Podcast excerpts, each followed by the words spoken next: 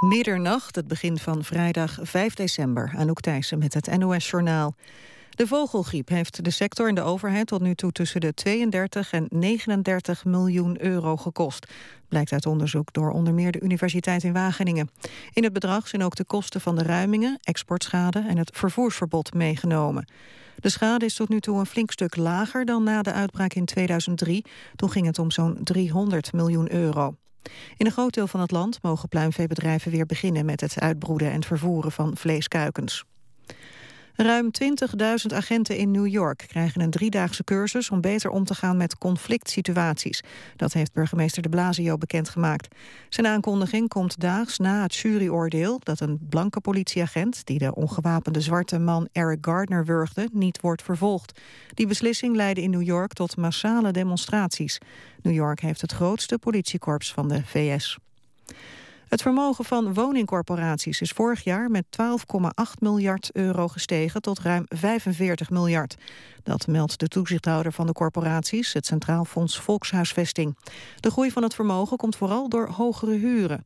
De Woonbond noemt het wrang dat corporaties de huren hebben verhoogd... terwijl nu blijkt dat ze er zelf warmpjes bij zitten, zo schrijft de bond op de eigen website. Orthodoxe protestanten zijn iets negatiever over homoseksualiteit dan moslims. Een ruime meerderheid van de orthodox protestanten, 58 procent, noemt homoseksualiteit verkeerd. Onder moslims is dat 53 procent. Dat blijkt uit onderzoek van het Sociaal Cultureel Planbureau. Over het huwelijk tussen homo's zijn orthodox protestanten iets positiever dan moslims. Slechts een kwart van de moslim is voorstander hiervan. Bij orthodox protestanten is dat 44 procent. Volgens het SCP-rapport hebben de meeste Rooms-Katholieken... en mensen die niet gelovig zijn geen probleem met homoseksualiteit. Het weer. De komende uren vriest het licht. Het blijft droog tot in de ochtend. Smiddags neemt het in het westen de kans op lichte regen toe. Het wordt maximaal 2 tot 5 graden. Dit was het NOS Journaal. NPO Radio 1. VPRO. Nooit meer slapen.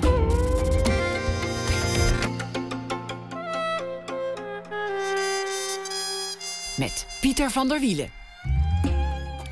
Goedenacht en welkom bij Nooit meer slapen. Vechten en dichten, misschien niet de eerste combinatie waar je aan zou denken, maar voor dichter Daniel D. is weinig zo poëtisch als een goede partij kickboksen. Een gesprek met hem daarover na één uur. André Kuipers zag de wereld voor wat hij werkelijk is. Een uh, klein blauw bolletje in het universum.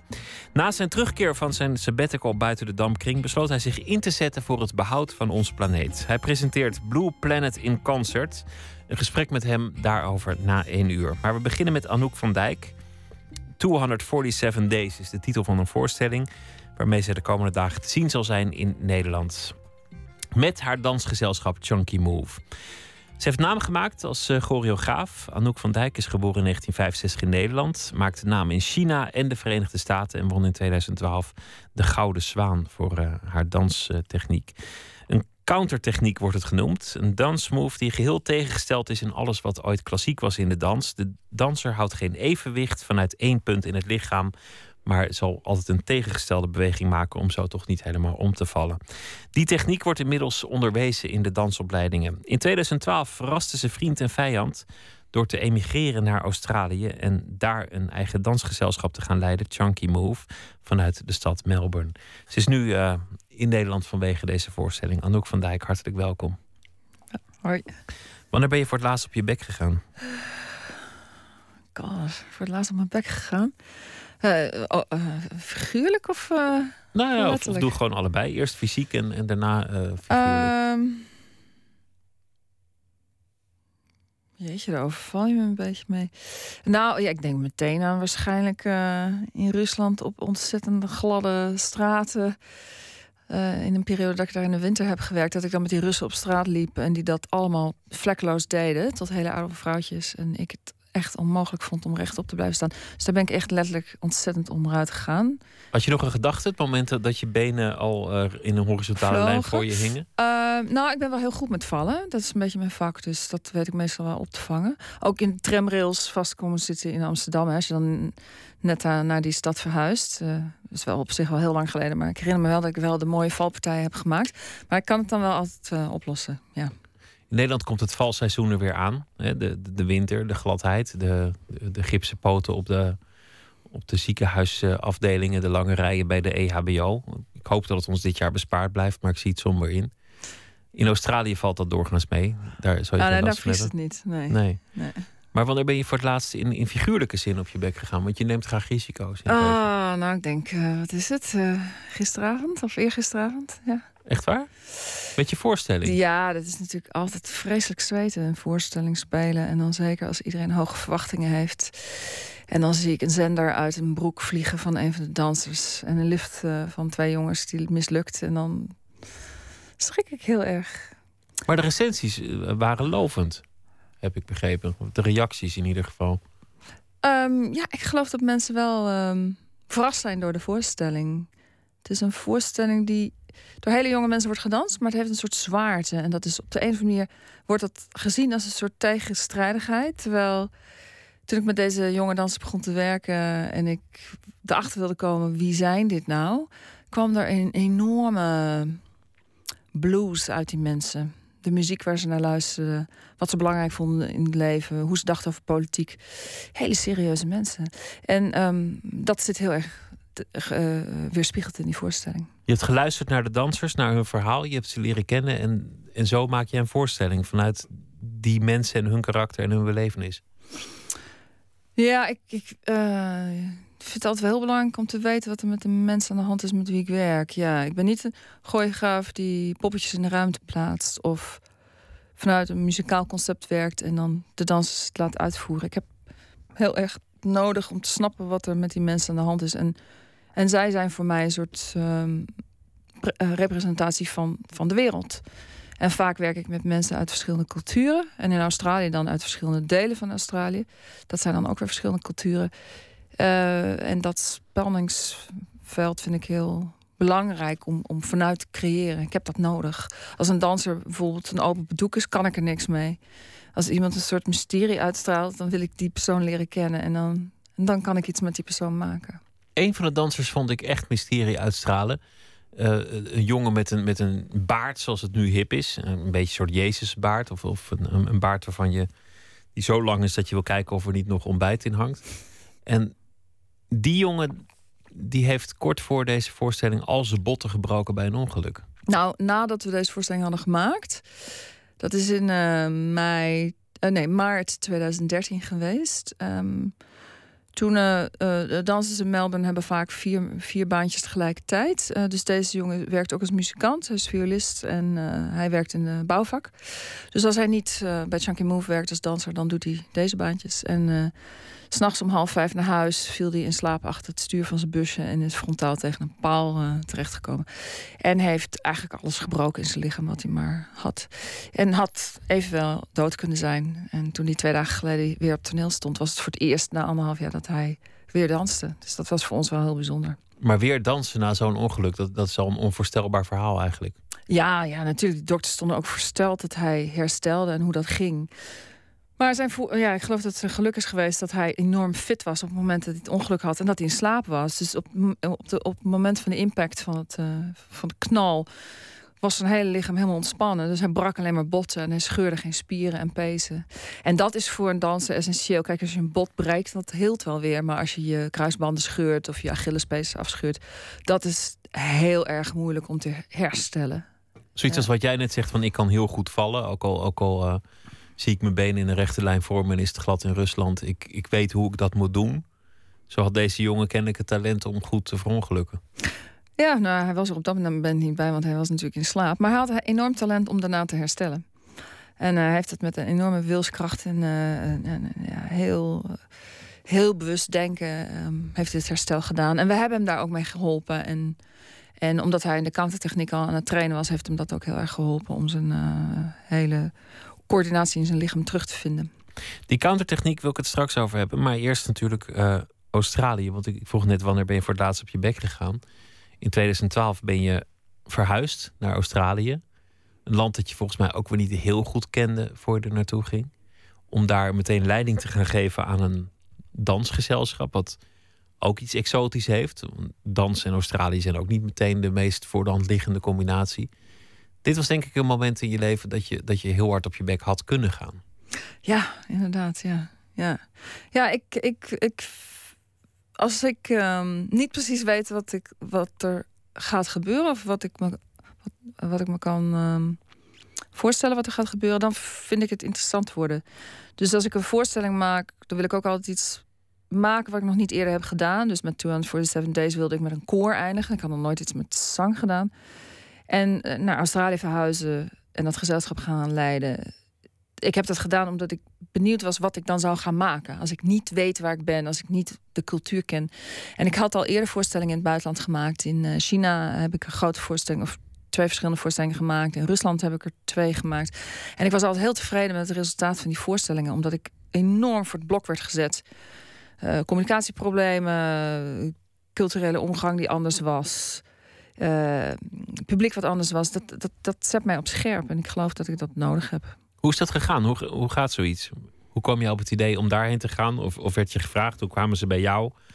Wie belt wie dan? Ja, nou, Chunky Move is in Australië uh, ja, het toonaangevende moderne dansgezelschap. Um, is ook, uh, reist heel erg veel over de wereld. Is zeg maar een soort export product voor uh, Australië.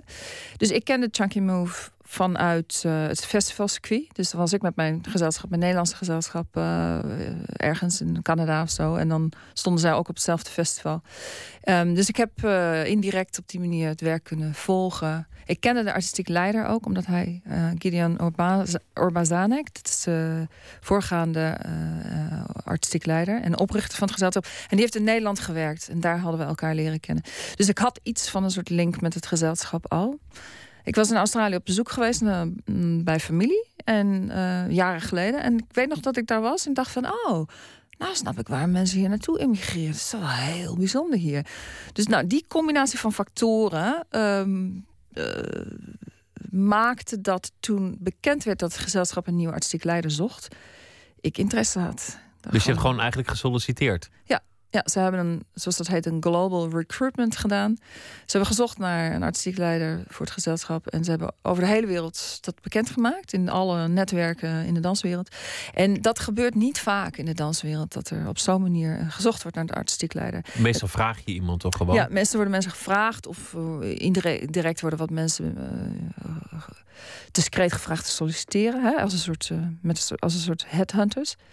Um, maar dit was... Uh, lag open. En toen dacht ik, ja, why not? Ik wil wel kijken hoe, hoe ver ik kom. Als ik nou in zo'n red race kom van allemaal mensen over de hele wereld solliciteren op zo'n baan, hoe ver kom ik? Wanneer leg ik eruit? Ik schrijf een brief en ik, hoor nooit meer van wat van ze. Of, of ik kan gewoon echt met, met het. Uh, ga spreken met de mensen die de sollicitatie runnen. Dus dat was ook iets wat ik niet wist. Dus daarom heb ik het gedaan. Je zei, ik, ik uh, was op bezoek bij familie en ik dacht, goh, het is fijn hier in Australië. Wat, wat vond je zo fijn? Um, nou, het klimaat is natuurlijk fantastisch. Je gaat, niet, je gaat niet op je bek in januari en december. Nee. nee. Nee, je gaat niet op je bek. Het klimaat is heel mooi, de natuur is prachtig. Uh, allemaal exotische vogelgeluiden. Wij worden wakker en het klinkt als een dierentuin. Terwijl Melbourne ook echt een winter heeft, tussen aanhalingstekens. Um, in, um, het wordt 5 graden. Dat is zeg maar het koudste dat het wordt. Dus dat is niet heel koud. Maar voor een Australië is dat heel koud, zeg maar. dus als je verder naar het noorden gaat, dan... Als je naar Brisbane gaat of zo, naar Queensland gaat, dat soort uh, subtropen, tropen zit je dan in. Dus daar wordt het natuurlijk nooit uh, koud. Dus het klimaat sprak me heel erg aan. En, de, en je voelt dat het nog in ontwikkeling is. Je voelt dat er dingen mogelijk zijn. Dat mensen de kans grijpen om een verschil te maken. Wat heel anders is dan in een oude cultuur, waarin je voelt dat mensen. Zoals Europa. Zoals Europa. Je voelt in Europa heel erg dat mensen reflecteren op wat er was en daarop reageren. Maar in Australië is er minder geweest. Dus mensen moeten meer creatief denken van oké, wat vinden wij nou? Wat is de potentie van wat we hier nou zien en wat kan er verder gebeuren? En dan zijn Australiërs heel erg eigenwijs, want het is heel erg eilandmentaliteit. Dus we zitten op dat eiland met z'n allen, 22 miljoen man op een eiland zo groot als ja, groter dan Europa. Je kunt Europa als het ware erin leggen. Dus het is gigantisch. Je dus schreeuwt en er komt geen echo terug. Het is uh, eh, 22 miljoen mensen, dus dat is uh, Nederland plus Vlaanderen plus nog iets. ongeveer. Dan, dan, Ja. dan ben je er wel, denk ik. Ja, en dan verspreid over van Moskou naar Helsinki, naar Portugal, naar Ankara. En dan nou, nog twee steden en dan niks tussenin. Heel Dus- veel vliegen, da- daar zijn mensen aan gewend. Ja. Om, eh, aan lange vliegreizen. Ja. Vijf uur voor een vergadering. Kan Ja, best. heb ik ook gedaan. Ja. ja, dat is wel vreselijk hoor. Vindt iedereen ook vreselijk. Vijf uur reizen voor een vergadering, maar het gebeurt wel. En die vergaderingen, weet je wel, bijvoorbeeld als je met de met, met de, alle dansgezelschappen vergadert, dan gebeurt het elke keer ergens anders in Australië. Dus dan moet je naar Brisbane vliegen voor een vergadering, of naar Adelaide vliegen, of naar Sydney vliegen. En iedereen doet dat ook. Maar voor, eh, voor dans, wat, wat toch hier altijd een beetje tot de, de hoge cultuur wordt eh, gerekend.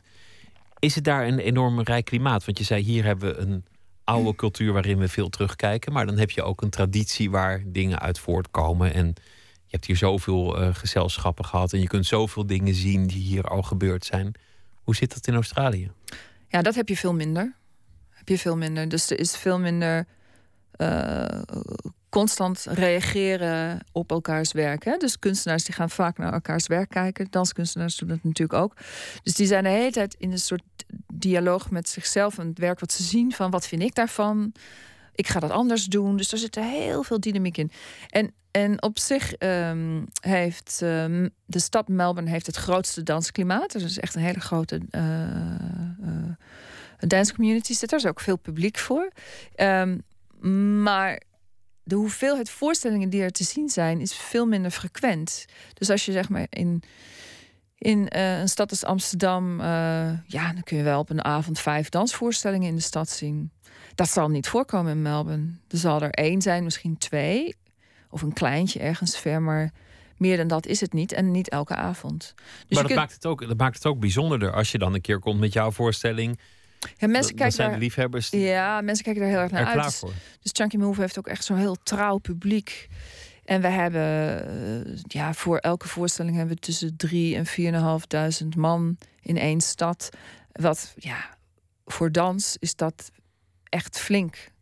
Als popmuzikant lach je daarom, maar voor het danspubliek, dat is echt een groot publiek. Daar moet je in Nederland het hele land voor doortoeren. Het is ook een heel andere cultuur, want hier in Nederland ehm, had je eigenlijk een merkwaardige carrière, omdat je, dat je aan de ene kant lof kreeg en prijzen en onderscheidingen. En het ene jaar werd je door de, door de Raad voor de Cultuur en andere bureaucratische instellingen de hemel ingeprezen. Het jaar daarna werd, werd je weer gekort in de subsidie, want dan was er, was er iets mis. En het jaar daarna kon het weer niet op. Dus, dus ze wisten eigenlijk niet zo goed wat ze met je aan moesten. Maar in Australië heb je zo'n systeem helemaal niet. Volgens mij is het Chunky Ehm, Move gewoon, gewoon particulier nou, gefinancierd. Nee, nee, nee. eh Chunky Move is, eh, wordt door eh, Victoria, de staat Victoria, gesubsidieerd. Het grootste gedeelte. En dan heeft het ook geld van de federal state, dus van een Oh, het, krijgt, nationale het fonds. krijgt wel geld toe. Oh ja, ja, zeker weten. Zeker weten, er is subsidie bij. En ehm, het mooie van Chunky Move is dat, dat Chunky Move bekend staat om het feit dat ze voorstellingen doen die nooit hetzelfde zijn. Dus als je weer naar een voorstelling van Chunky Move gaat, krijg je iets wat je nog nooit hebt gezien. Dus het publiek vindt dat heerlijk. Die willen niet hetzelfde zien. Die willen uit worden gedaagd. Eh, de ene keer dat ze heel diep moeten graven, de volgende keer dat het een soort stand-up comedy show is. Dat vinden ze heerlijk. Dat Maar- is maar de- Chunky Move. De kaartjes zijn over het algemeen, ik weet niet hoe het met jullie kaartjes zit, maar in Australië aanzienlijk duurder dan in Europa. Heel duur. Ja. Eigenlijk betalen wij hier relatief weinig voor voorstellingen. Ja. Ja. Wa- Wat kost een kaartje voor zo'n voorstelling daar? Ehm, nou, voor mijn laatste voorstelling was het volgens mij tussen de, de goedkope eh, kortingskaartjes waren 30 dollar. Dat is, eh, nou, dat is ongeveer 24 euro op dit moment. En dan de dure kaarten waren 75 dollar. Ja, dus Oh, dat is toch wel te doen eigenlijk. ja, dit is nog wel te doen. Ja. Ja. Maar als, als de prijzen hoger liggen, heeft dat, heeft dat ook een, een effect dat mensen het meer gaan waarderen? Ja, dat is, dat is natuurlijk lastig te, te zeggen, want een publiek is altijd heel erg geconditioneerd. Hè?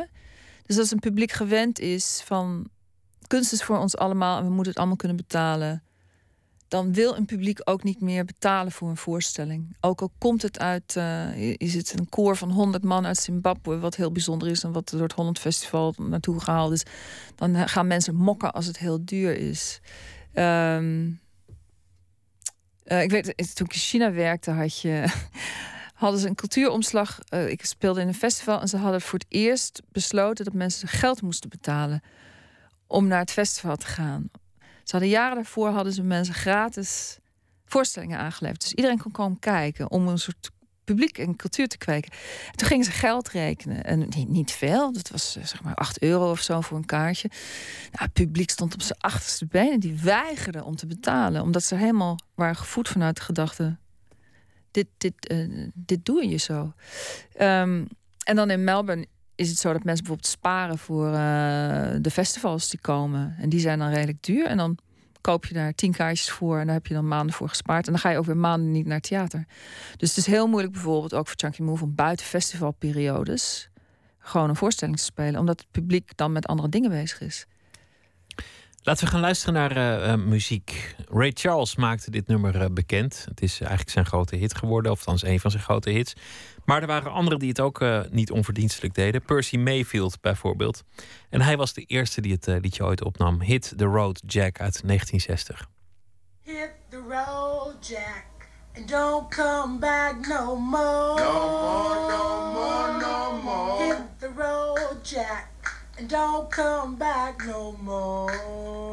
Now what'd you say? Hit the road, Jack, and don't come back no more. No more, no more, no more. Hit the road, Jack, and don't come back no more.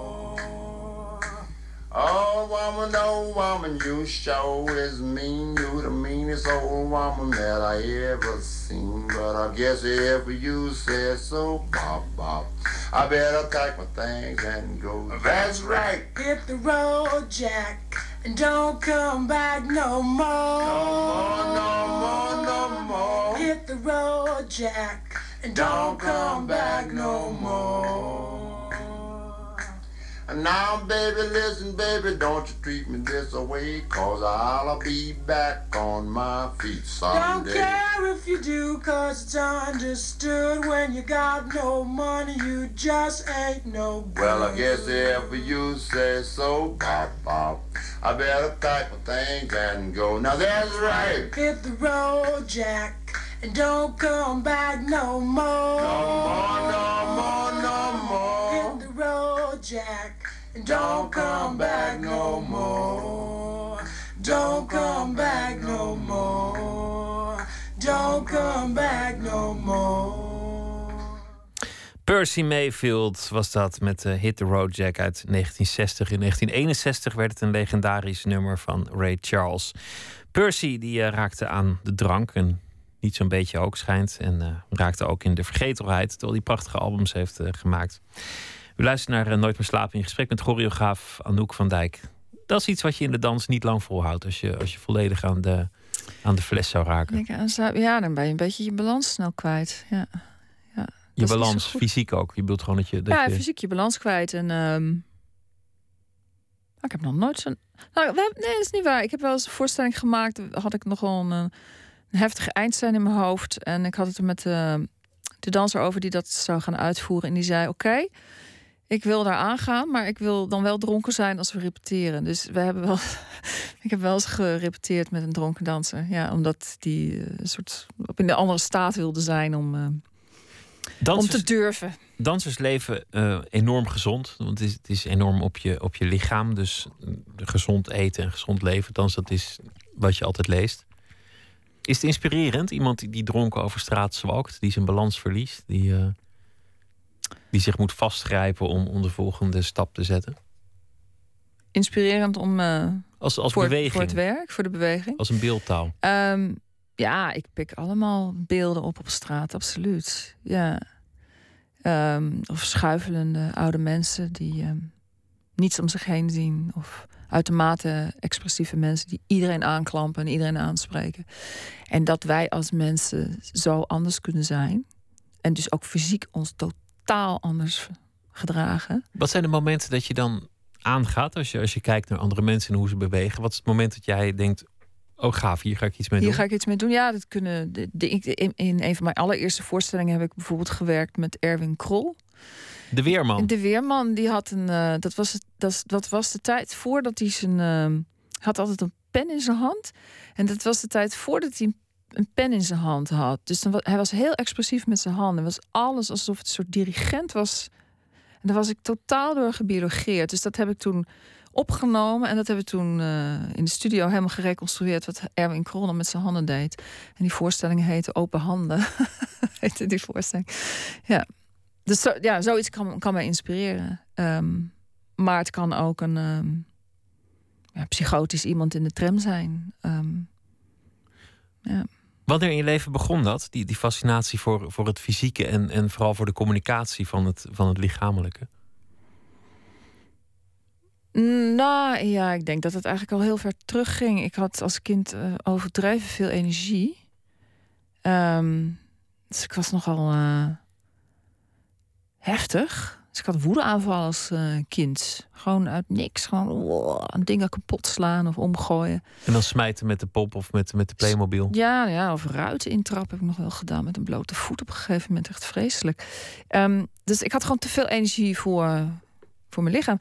En toen begon ik te dansen en toen was het allemaal weg. Want ik had een um, manier gevonden om dat te kanaliseren. Hoe oud was je toen? Um, nou, toen ik echt besloot, ik wil echt dansen als... Dit, dit ga ik doen voor de rest van mijn leven, was ik 15. En daarvoor danste ik al wel een beetje. En toen zag ik op een gegeven moment een, uh, danser, een professionele danser live dansen. En dat vond ik zo indrukwekkend. Dus in een studio, zo vlak voor je, twee meter van je vandaan. Dacht van, wauw, zoveel energie, dat wil ik ook. Want dan voel je het ook, hè? Dan, dan hoor je ook het zwiepen van de bewegingen. Dan, dan ruik je het zweet ja, dansers kunnen enorm veel energie uitstralen. Dat, dat is, de meeste mensen weten niet wat het is, maar ik ben daar dagelijks, uh, heb ik dat om me heen. Het is zo geweldig. Om in die energie uh, te verkeren. Ja, ja, ik had vanochtend les gegeven in Amsterdam. 40 dansers zweten. Het was alle ramen waren helemaal beslagen en mensen vlogen alle kanten uit. Nou, dat is echt een feest. Maar 15 is relatief jong om, om een roeping te vinden in het leven. De meeste mensen doen er langer over. Maar voor een danser is het eigenlijk laat. Ja, ja, ik moest opschieten toen. En zeker in die tijd was het eigenlijk zo als je. Uh, als je 19 was, als je afstudeerde, was je eigenlijk al te oud. Dus je moest eigenlijk 18 zijn om echt kans te maken op werk. Dat is nu, is, nu is dat veranderd hoor. Nu is dat veranderd. Maar toen was het heel erg zo. Dus toen ik 15 was en ik zei tegen mijn moeder: Ik wil danser worden. Want zo zei ik dat. Niet danseres. Ik zei: Ik wil danser worden als een soort concept. Toen. Uh, toen zei mijn moeder van, nou, zal ik eens even de academie uh, bellen om te kijken of je niet oud bent. Dus mijn moeder wist het, men die wist dat zelfs al.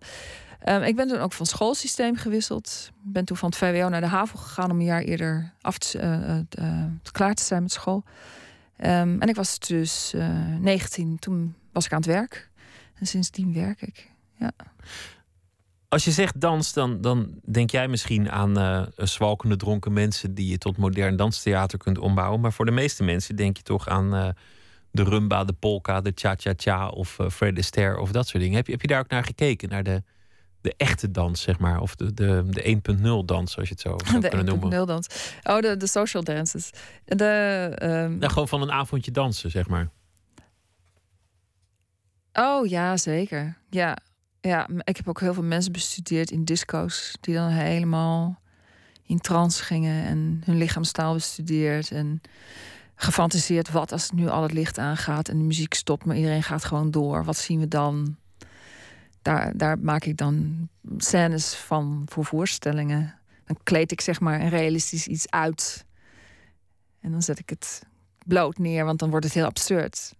Stel je, hè? Stel je voor, je hebt een disco. Want je, je, je, kan eigenlijk niet zo goed dansen, maar, maar ja, de meeste mannen met zes bier, dan gaan ze toch maar die dansvloer op en die muziek klinkt en je bent gevangen in de kudde, dus niemand ziet wat je doet. Maar jij fantaseert dan dat één zo iemand alleen op een podium staat, fel verlicht en geïsoleerd nog steeds die beweging maakt.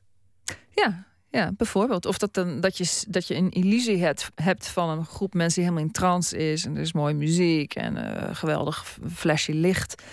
En dan stop je de muziek, je haalt het licht weg en je zet de TL's aan. Maar iedereen gaat gewoon door. Dat doen wij niet. We, we, moeten in een soort kapsel zitten van geluid, licht. Een soort bescherming hebben van de ander, andere lichamen. En helemaal opgaan in je eigen, eigen wereld. Dan gaan we los. Um, en ik zou zo graag willen dat mensen gewoon los kunnen gaan. Ook als het daglicht is. Wat fascineert je zo aan de beweging en aan, aan dansen en aan communicatie met het lichaam? Um, ja, beweging kan heel veel communiceren in een hele korte tijd, wat taal niet kan.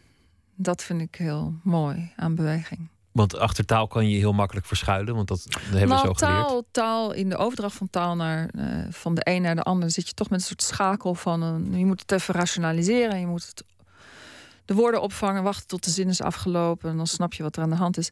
Terwijl uh, een lichaam of een danser zien die risico neemt, gevaar neemt, het gaat bijna fout en dan gaat het goed en hij kijkt je dan daarna aan dat is zo direct. Maar het is direct op een.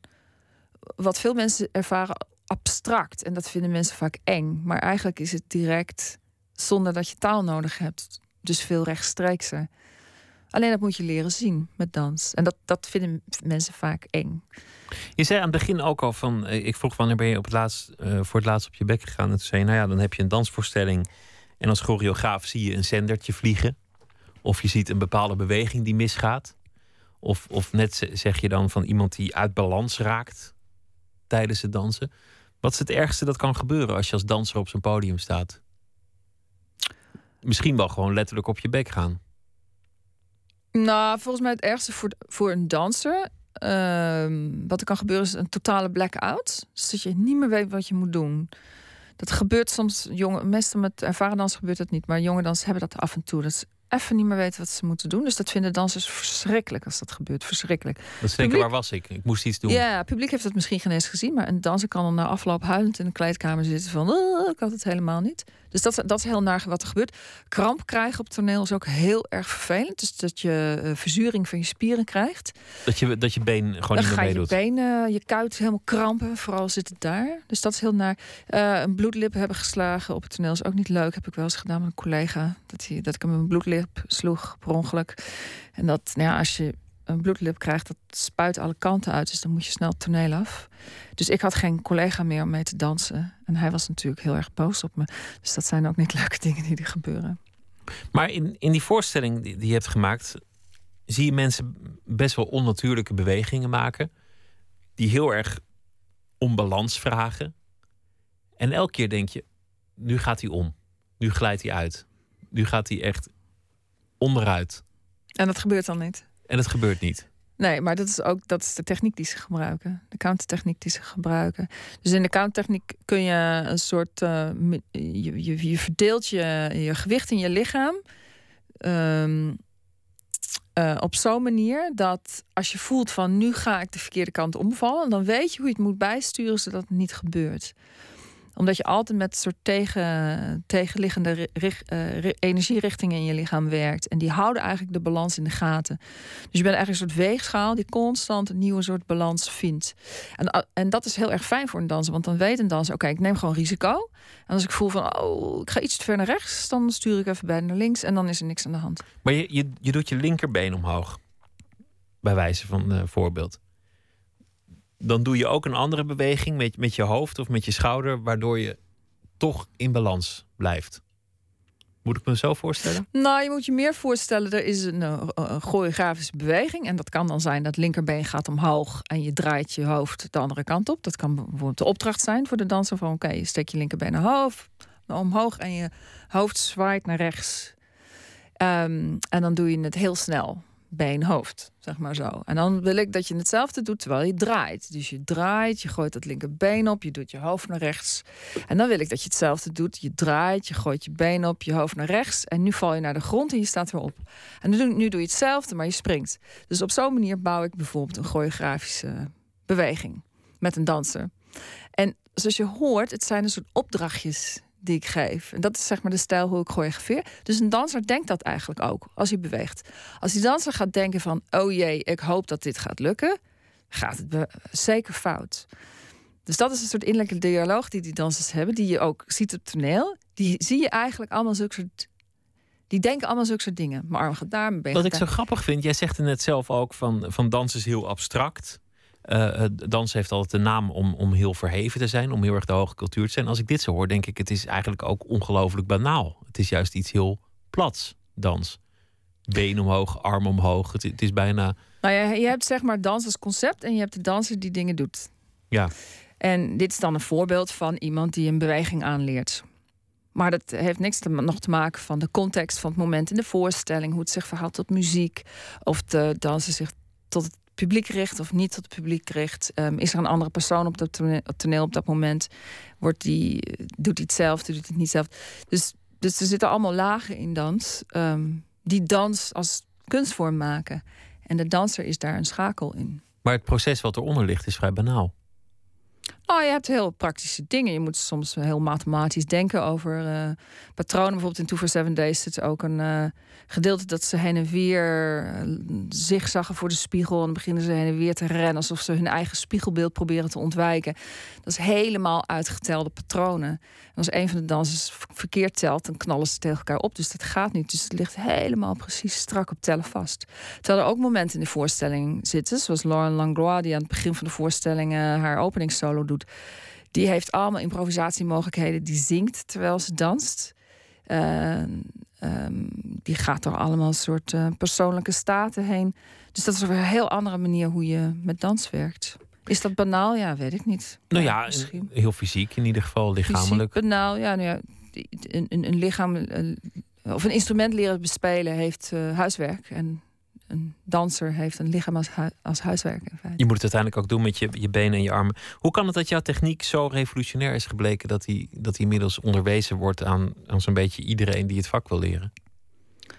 Um, ja. Hoe kun je dat dan nou, uitleggen ja, aan iemand die. volgens mij is, is die um, techniek geeft een danser mogelijkheden om zelf oplossingen te, te vinden voor de problemen die je tegenkomt. En je komt als danser de hele dag problemen tegen. Uh, je repeteert en je hebt last van je onderrug. Wat doe je? Uh, je staat op toneel en je krijgt pijn aan je voet. Wat doe je? Het gaat vaak over pijn. Uh, ja, of disbalans in het lichaam. Dus wat, wat, moet je doen om het op te lossen? En de countertechniek geeft een, eh, een, een soort staalkaart van mogelijkheden hoe je je problemen kunt oplossen. Dus als dansers daarmee leren werken, die vinden dat geweldig, omdat ze eindelijk zelf middelen hebben om hun problemen op te lossen. En ze niet afhankelijk zijn van uh, hun repetitor of hun docent of de fysiotherapeut of wat dan ook. Dus een soort heel erg proactieve manier van werken, wat heel erg past bij deze tijd. Het zijn een hele heel individualistische samenleving. Iedereen komt met zijn eigen ideeën aan. En die techniek past heel erg bij dat klimaat. En ik denk dat daarom dansers dat heel fijn vinden. En waarom werkt het vanuit het publiek? Waarom ziet het er zo spectaculair anders uit dan, dan het Zwanenmeer of, uh, of een andere klassieke voorstelling? Nou, volgens mij komt het omdat dansers heel anders met energie in hun lichaam omgaan. Dus je ziet dansers bewegingen doen die je niet verwacht. Het is onverwacht. Ze draaien een kant op die je. je denkt, hè, wat je al zei, van oh jee, wanneer gaan ze nou omvallen? Maar dat gebeurt dan niet. Dus het heeft een ander soort verwachtingspatroon dan een klassieke voorstelling. Um, en daar moeten mensen aan wennen. Mensen moeten aan die taal wennen. Uh, soms zeggen mensen als je een als een danser zien dansen in mijn werk van oh, het lijkt wel alsof die improviseert. Alleen dan gaat een tweede danser hetzelfde doen en dan realiseren ze zich, oh, dat is helemaal niet geïmproviseerd, dit ligt helemaal vast. En dat komt omdat ik werk naar bewegingen die met energie werken en niet met een soort vorm. Terwijl als je kijkt naar een klassiek ballet, gaat het over vorm. Het gaat over de pose van de been daar hoog en de arm daar. Of de pirouette wordt zo gedraaid zodat je precies blijft staan. En ik zoek juist het moment op dat ze bijna gaan omvallen en het proberen op te lossen. Onze samenleving heeft een, een merkwaardige houding ten aanzien van lichamelijkheid. Want aan de ene kant wordt het totaal op handen gedragen. Ehm, je, ziet, ziet alleen maar clipjes en, en stercommercials van mensen met prachtige lichamen die er mooi mee omgaan. We zijn heel erg op uiterlijk, wat natuurlijk ook een vorm van lichamelijkheid is. Tegelijk hebben we een samenleving waarin iedereen zich vol vreet en mensen steeds minder en minder bewegen. En ook het bewegen gewoon uit het ontwerp van onze omgeving wordt geschreven. En de lichamelijke communicatie, die, die wordt ook steeds meer vervangen door sms'en, appen, uh, dat soort dingen. Ja, dat is heel jammer. Vind je dat, jammer? Ja, ik vind het heel naar. Als ik in de tram zit of zo en kijk naar hoe mensen zitten en hoe ongemakkelijk ze zitten. En hoe mensen die dan zeg maar 40 zijn er al uitzien alsof ze voor mijn gevoel 60 zijn. Uh, hè, qua fysieke taal die ze uitstralen. Ik vind dat heel jammer. En het is ook zorgelijk voor ons zorgstelsel. Als mensen veel meer kennis over hun lichaam zouden hebben, zouden ze veel minder snel ziek worden. Zouden ze veel meer oplossingsgericht zijn als ze een probleem hebben. Maar er is geen cultuur naar die mensen die informatie geeft. Of dat dat dat belangrijk is. Dat bestaat niet in onze cultuur. Het lichamelijke wordt ondergewaardeerd zodat het te veel in het hoofd zitten. Totaal, ja. ja. Lichamelijk wordt iets gezien als. Ofwel, het is maakbaar, dus je, je, je, je laat je opereren. Ofwel, het is raar. Doe niet zo raar. of zweverig wordt het ook gezien natuurlijk. Hè? Als je zeg maar in, in Indiase cultuur woont, waar yoga een onderdeel is van hoe mensen vinden dat ze zich tot de wereld moeten verhouden. Daar is het heel normaal. Iedereen doet dat. Of in China, waar ze met uh, tai chi werken als een, als een vorm om uh, ja, hun helderheid in hun hoofd en lichaam te houden. Dat bestaat niet in de westerse cultuur. Tegelijk vraag je wel heel veel van je dansers. Ik bedoel, zo'n dag oefenen of ze een hele choreografie goed krijgen of een hele tournee doen, dat is gewoon heel vaak door je pijn heen gaan. Eigenlijk de signalen van je lichaam verwaarlozen. Nee, dat is helemaal niet waar. Kijk, het is. Um, dansen is een zwaar beroep. En waardoor je dus af en toe pijn in je lichaam krijgt. Maar als je een goede danser bent, dan weet je hoe je moet oplossen. Hoe je je pijn weer moet oplossen. Um, dus je weet dan, als ik een bepaalde training doe die goed is voor mijn lichaam, dan heb ik daarna verder geen last meer van mijn. Komen ze nooit klagen van, oh, nee, ik kan niet meer, hou op. Ja hoor, tuurlijk. Wat doe je dan? Zeg van nou, dan neem ik pauze. en dan na die pauze toch door? Ja. ja. Nou, kijk, kijk de, de communicatie, uh, we hebben heel heldere communicatie. Dansers leren, kijk, kijk je pijn in je pijn. Dus je kunt uh, leren uh, opmerken in je lichaam of het een pijn is omdat je bijvoorbeeld moe bent of je, je spieren zijn vermoeid van het uh, werk, of dat er iets fout zit in je lichaam, dat je iets hebt verrekt of er staat een bot scheef. Je kunt, je kunt uh, die signalen, dat leer je ontdekken wat het verschil is. Dus uh, een danser kan dan aangeven: ik moet naar de fysiotherapeut vandaag, want dit is niet goed. Wat er nu met mijn nek is, daar moet ik niet mee doorrepeteren. En een jonge danser kan dat bijvoorbeeld nog niet, dus die moet je daarmee helpen om dat te leren ontdekken. Ja. We gaan luisteren naar uh, Anouk. Die heeft een nieuw album. De, de pers was uh, buitengewoon verdeeld. Sommigen vonden het prachtig, anderen vonden het uh, totale bagger. Wij kiezen de kant van de mensen die het prachtig vonden. Cold Black, Black-Hearted Gold Diggers heet het nummer.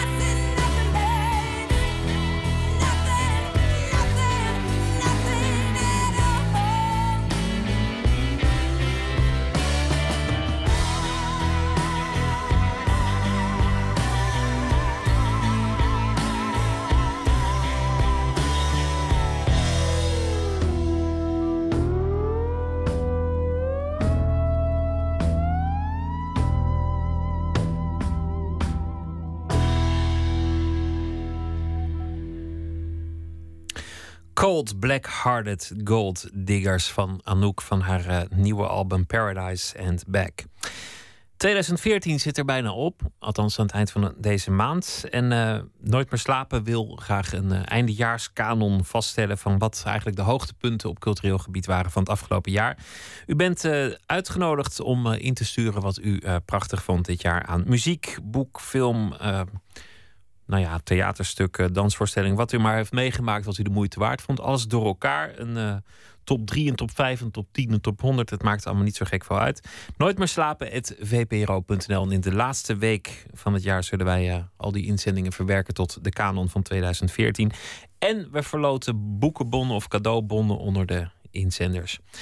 Nooit meer slapen. In gesprek met choreograaf Anouk van Dijk, die over is uit Australië met haar gezelschap Chunky Move. We hadden het net over uh, pijn en, en wat pijn eigenlijk is.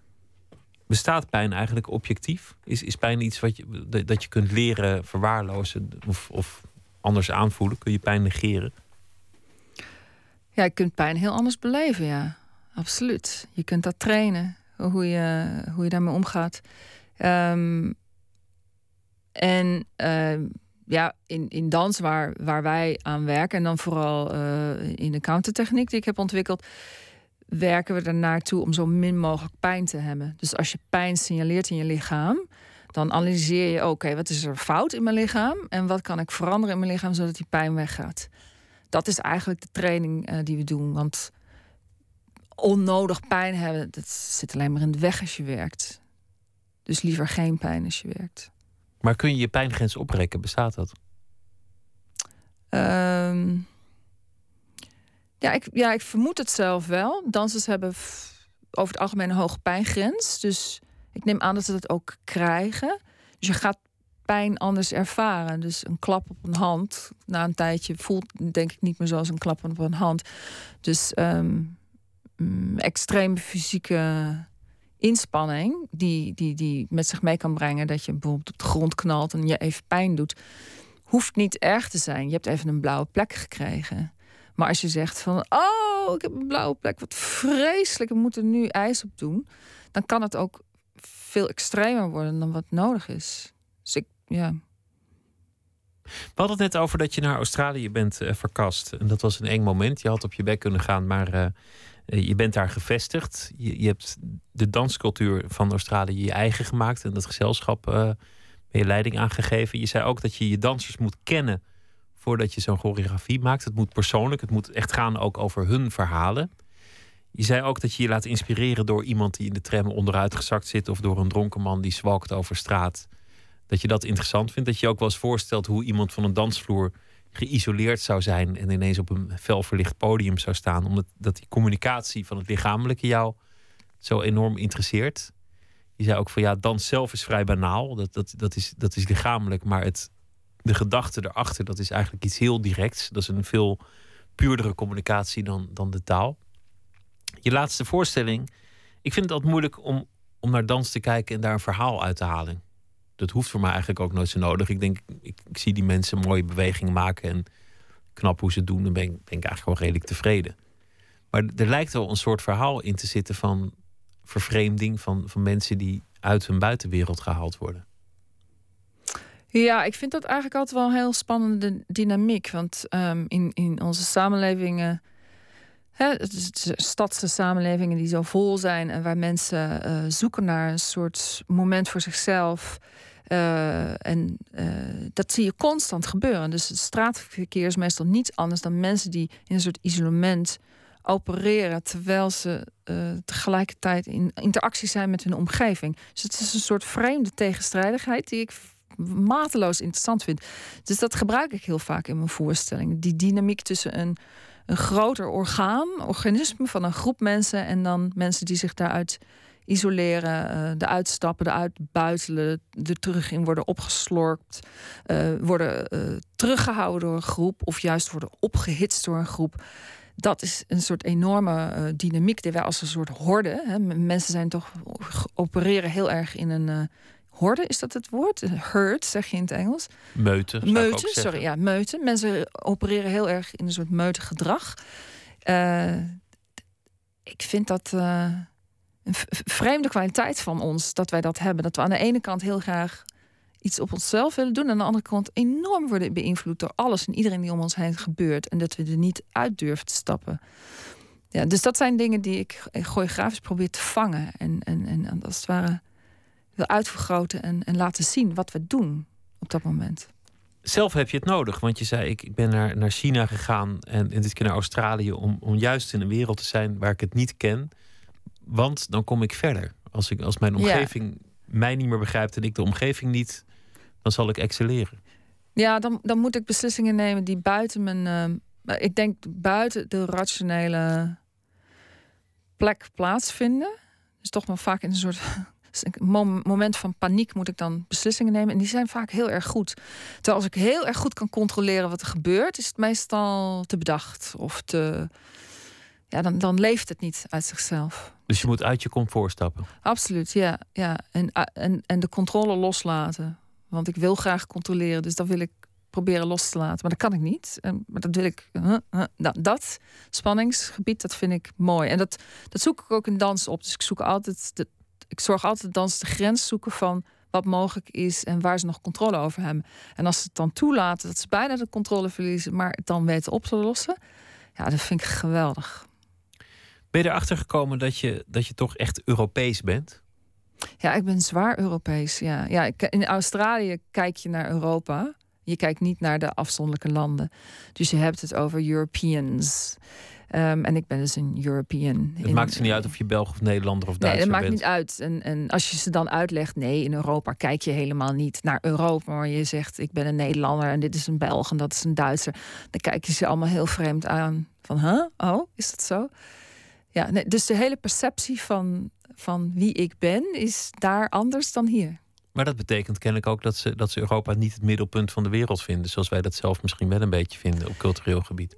Ja, nee, absoluut niet. Zij kijken niet naar uh, uh, Europa. Ik bedoel, er is een soort sentiment naar Europa, omdat de, natuurlijk de, e-, de vroege immigranten die naar Australië zijn getrokken, allemaal uit Europa kwamen. Hè? Uit Engeland, Ierland, Schotland waren de eerste landen. En daarna heel veel Oost-Europa. Um, nou, heel Europa is uiteindelijk naar Australië geëmigreerd. Dus er is een soort sentiment naar het oude moedersland. moersland. Dus aan de ene kant wel een soort ontzag voor, oh ja, maar wat ze in Engeland doen. Hè? Dus in Australië heb je het over de UK, Engeland, United Kingdom, en Europe. Dat zijn twee afzonderlijke dingen. UK en Europe heb je het over. Het is ook een soort nieuw fenomeen. Um, maar dat, ja, dat, dat is een soort nieuwe ervaring om zo naar de wereld te kijken. Waar kijken zij naar? Want als zij niet naar Europa kijken als cultureel centrum van de wereld. Zij kijken naar Azië. Zij kijken, hè, dus uh, als je uh, vanaf de middelbare school, als je klaar bent, dan ga je reizen. Dan ga je naar Indonesië of naar Vietnam of Korea of naar Japan of India. Daar ga je naartoe. Daar, daar speelt het. Zuid-Amerika, Zuid-Afrika ook wel een beetje. Dat, dat vindt men interessant. Daar kijkt men naar. Ze volgen daar de mode, ze volgen daar de nieuwe technologische ontwikkelingen. Als je naar Seoul gaat in Korea. Dat is, ik ben er zelf nog niet geweest, maar dat schijnt een soort futuristische wereld te zijn. Een soort voorloper op alles wat er in de wereld gebeurt. Daar kijkt Australië naar. Niet naar Europa. Maar dat interesseert jou ook wel, want je had het net over, over yoga. Je, je vertelde uh, terloops iets over, over je je werk in China dat je hebt gedaan. Het, het, oosten heeft jou altijd wel getrokken. Ja, dat heeft mij altijd getrokken. Ik heb uh, in mijn familie, mijn oom en tante hebben altijd in Japan gewoond. Ik heb een Japanse tante, of zijn ze overleden, maar um, mijn uh, grootvader heeft in Indonesië zijn hele leven gewerkt. Dus ik heb sowieso familie in het oosten. En daarnaast heb ik ook in China vrij veel gewerkt. Ja, ik vind het spannend, die kant van de wereld. En ook de, die oosterse houding tot, tot lichamelijkheid. Want je noemde de yoga in India wat een gewoon een standaard deel van elke opvoeding is, zo'n beetje? Ja, er is een heel andere eh, kijk op wat, wat het lichaam en, en de geest samen doen. Bijvoorbeeld in China heb je dan ook één karakter, Chinees karakter voor um, um, geest en hart. Dat is hetzelfde karakter. En volgens mij zit dat ook biologisch fysionomisch dat, is dat verbonden met elkaar. Terwijl wij in het Westen toch kijken naar hoofd en hart is gescheiden. zijn twee soorten verschillende dingen. En daar is het eigenlijk hetzelfde. Lichaam en geest hebben wij ooit netjes gescheiden. Volgens mij heeft Descartes dat ooit gedaan. Ja. van ja, dat zijn twee verschillende dingen. Ja, En niet zo handig. Ik ben het er niet zo mee eens. Het is Nee, ja, als handiger je- als het één ding is. als je lichaam tot moes wordt geslagen, is je geest volgens mij ook weg. Nou, er, er zit, ik geloof wel, er zit wel iets aan dat, dat ehm, eh, de hersenen een, een andere soort bloedtoevoer hebben dan de rest van het lichaam. Als een soort bescherming. Dus als het lichaam inderdaad die klap krijgt, gaat, het, gaat de hersenen nog door. Dus dat, ik snap wel de gedachte ervan, maar eigenlijk in het dagelijks leven opereren als een soort gescheiden, zwevende hoofden waar een soort vers- ver- verschrompeld lichaam aan hangt. Ja, dan word je alleen maar heel snel eh, eh, oud en depressief van. Niet echt handig. Ook niet voor onze gezondheidszorg. Oud worden doe je toch hoe zie je het eigenlijk voor je? Want je hebt een bliksemcarrière gemaakt in de dans. Je bent nu dit avontuur aangegaan voor een aantal jaren in Australië. Je kind groeit een beetje toch op als een Aussie in- inmiddels. Ja, ja. Je echtgenoot is met je, met je meegegaan. Er komt op een zeker ogenblik een, een volgend project. Heb je, heb je eigenlijk een soort plan van wat je, wat je wil in het leven? Ehm, nou ja, er zijn wel wat, wat plannen gaande. We willen een app ontwikkelen voor de countertechniek. En daar zijn we mee bezig met verschillende universiteiten. In Australië en waarschijnlijk ook in Amerika. Eh, dus dat is een soort groot plan wat wel tien jaar gaat kosten, denk ik, om te doen. Ehm, ik wil heel veel reizen met Chunky Move en eh, mooie voorstellingen met ze maken. En verder kan ik nog even niet kijken. Vind het al genoeg om dat te doen. Ja, ik hou niet zo ervan om heel ver te kijken. Zodra ik me ga vervelen, dan moet ik verder. Moet ik iets anders gaan doen. Maar volgens mij is dat nu niet aan de hand als ik je zo Nee, op dit moment heb ik eh, never a boring moment. Ja, nee, het is, dat gebeurt niet. Jullie zijn nu eh, ingevlogen, om het, om het slordig te zeggen, met het hele gezelschap voor een aantal voorstellingen in Nederland. Jullie gaan, gaan door het land Ja. reizen. Ja, de dansers vinden het geweldig. Er zijn een aantal nog nooit eh, in Nederland of nooit in Europa geweest. Dus die kijken hun ogen uit. Hebben nog nooit zulke kou meegemaakt zoals nu. Ze zijn helemaal dik aangekleed. ehm, helemaal op avontuur. En ja, vinden het geweldig om in, in allemaal verschillende theaters te werken. In verschillende steden te werken. En die zijn allemaal vlak bij elkaar. Dus ze snappen niet dat je zoveel theaters vlak bij elkaar kunt hebben. Want dat bestaat in Australië helemaal niet. Er zit natuurlijk ontzettend veel afstand tussen. En een, een van de dansers, een, een eh, jongen van Vietnamese afkomst, die heeft ook een, prestigieuze prijs gewonnen voor zijn, voor, Voor zijn rol in deze voorstelling. in deze ja. voorstelling. Ja, ja. James Wam Pham heet hij. Hij is Australiër, maar met zijn ouders eh, waren Vietnamese vluchtelingen. Hij was geboren als de nieuwe hoop in Australië. Wat een, een mooi immigrantenverhaal is. En hij is een waanzinnig virtuoze danser. Ehm, hij was 19 toen ik met hem begon te werken. Hij is nu 21. En eh, hij is nu al een grote ster in eh, Australië. Ja, hij, alleen naar hem al zien is de moeite waard. Het is heel bijzonder. Dank dat je te gast wilde zijn en heel veel succes met deze Nederlandse tournee en met alle avonturen Down Under Anouk van Dijk. Dankjewel, Dankjewel. Pieter. Zometeen gaat Nooit meer slapen verder. Krijgt u een verhaal van Jamal Uriachi, die deze week elke dag een verhaal voor ons schrijft op basis van de afgelopen dag. En eh, dat doet hij ook zo meteen. We zitten op Twitter, VPRO-NMS. Of via de mail nooitmeerslapen.vpro.nl. En verder straks een eh, gesprek met André Kuipers over eh, onze blauwe planeet. Want hij eh, presenteert een concert, de Blue Planet in Concert zometeen. En we gaan het ook hebben over vechtsporten en dichten. Een heel natuurlijke combinatie, zoals u zult begrijpen. Graag tot zometeen.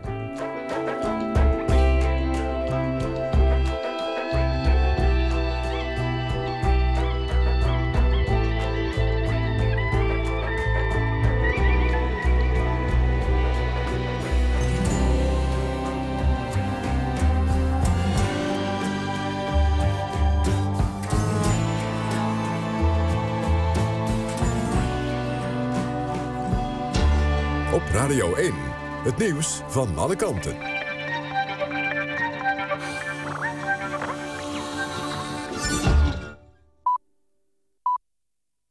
1 uur, Anouk Thijssen met het NOS-journaal. De vogelgriep heeft de sector en de overheid tot nu toe tussen de 32 en 39 miljoen euro gekost. Dat blijkt uit onderzoek door onder meer de Universiteit in Wageningen.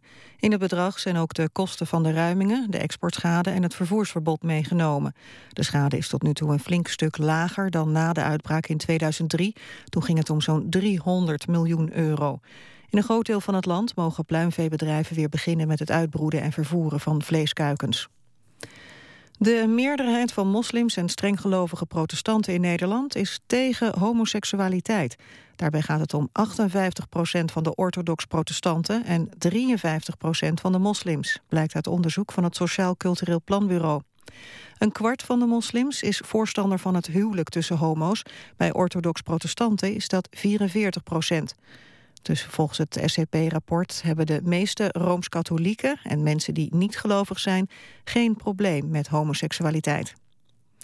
Ruim 20.000 agenten in New York krijgen een driedaagse cursus... om beter om te gaan met conflict situaties. Dat heeft de burgemeester van New York de Blasio bekendgemaakt. Zijn aankondiging komt daags nadat een onderzoeksjury oordeelde... dat een blanke politieagent niet wordt vervolgd... voor het wurgen van een ongewapende zwarte man. Die beslissing leidde in New York tot massale demonstraties. New York heeft het grootste politiekorps van de Verenigde Staten. De Amerikaanse marine neemt Bill Cosby zijn status van ereofficier af. Hij verliest zijn eretitel vanwege de beschuldigingen van seksueel misbruik. De afgelopen weken hebben bijna twintig vrouwen Cosby beschuldigd van verkrachting of aanranding. Het Pentagon zegt dat het alle beschuldigingen zeer serieus neemt... en dat die in strijd zijn met de kernwaarden van de marine. Bill Cosby diende tussen 1956 en 1960 in de marine. Het weer. De komende uren vriest het licht. Het blijft droog tot in de ochtend. Smiddags neemt in het westen de kans op lichte regen toe. Het wordt maximaal 2 tot 5 graden. Dit was het NOS Journaal. NPO Radio 1. VPRO. Nooit meer slapen.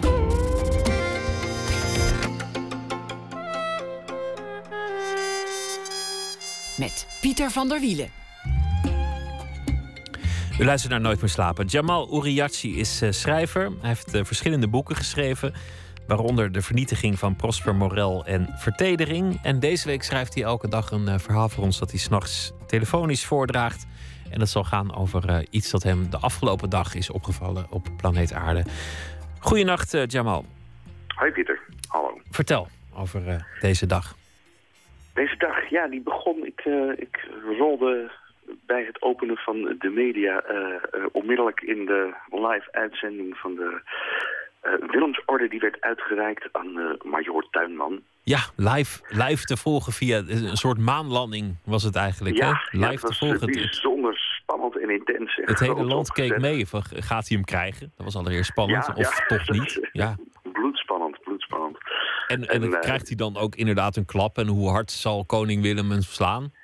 Ja, ja, zo teleurstellend. Dat, dat, uh... was een slap klapje. Zijn moeder deed dat harder. Die gaf echt een ja, goede, die, goede pet. Die gaf een kerel echt een klap, ja. Ja, ik vind het sowieso jammer dat ze dat met, met de hand doen. Ik vind dat, dat moet je toch gewoon een, enorm zwaard voor, voor hebben. En waar je iemand... Uh, dat is gevaarlijk hoor, om iemand... Liefd of zo.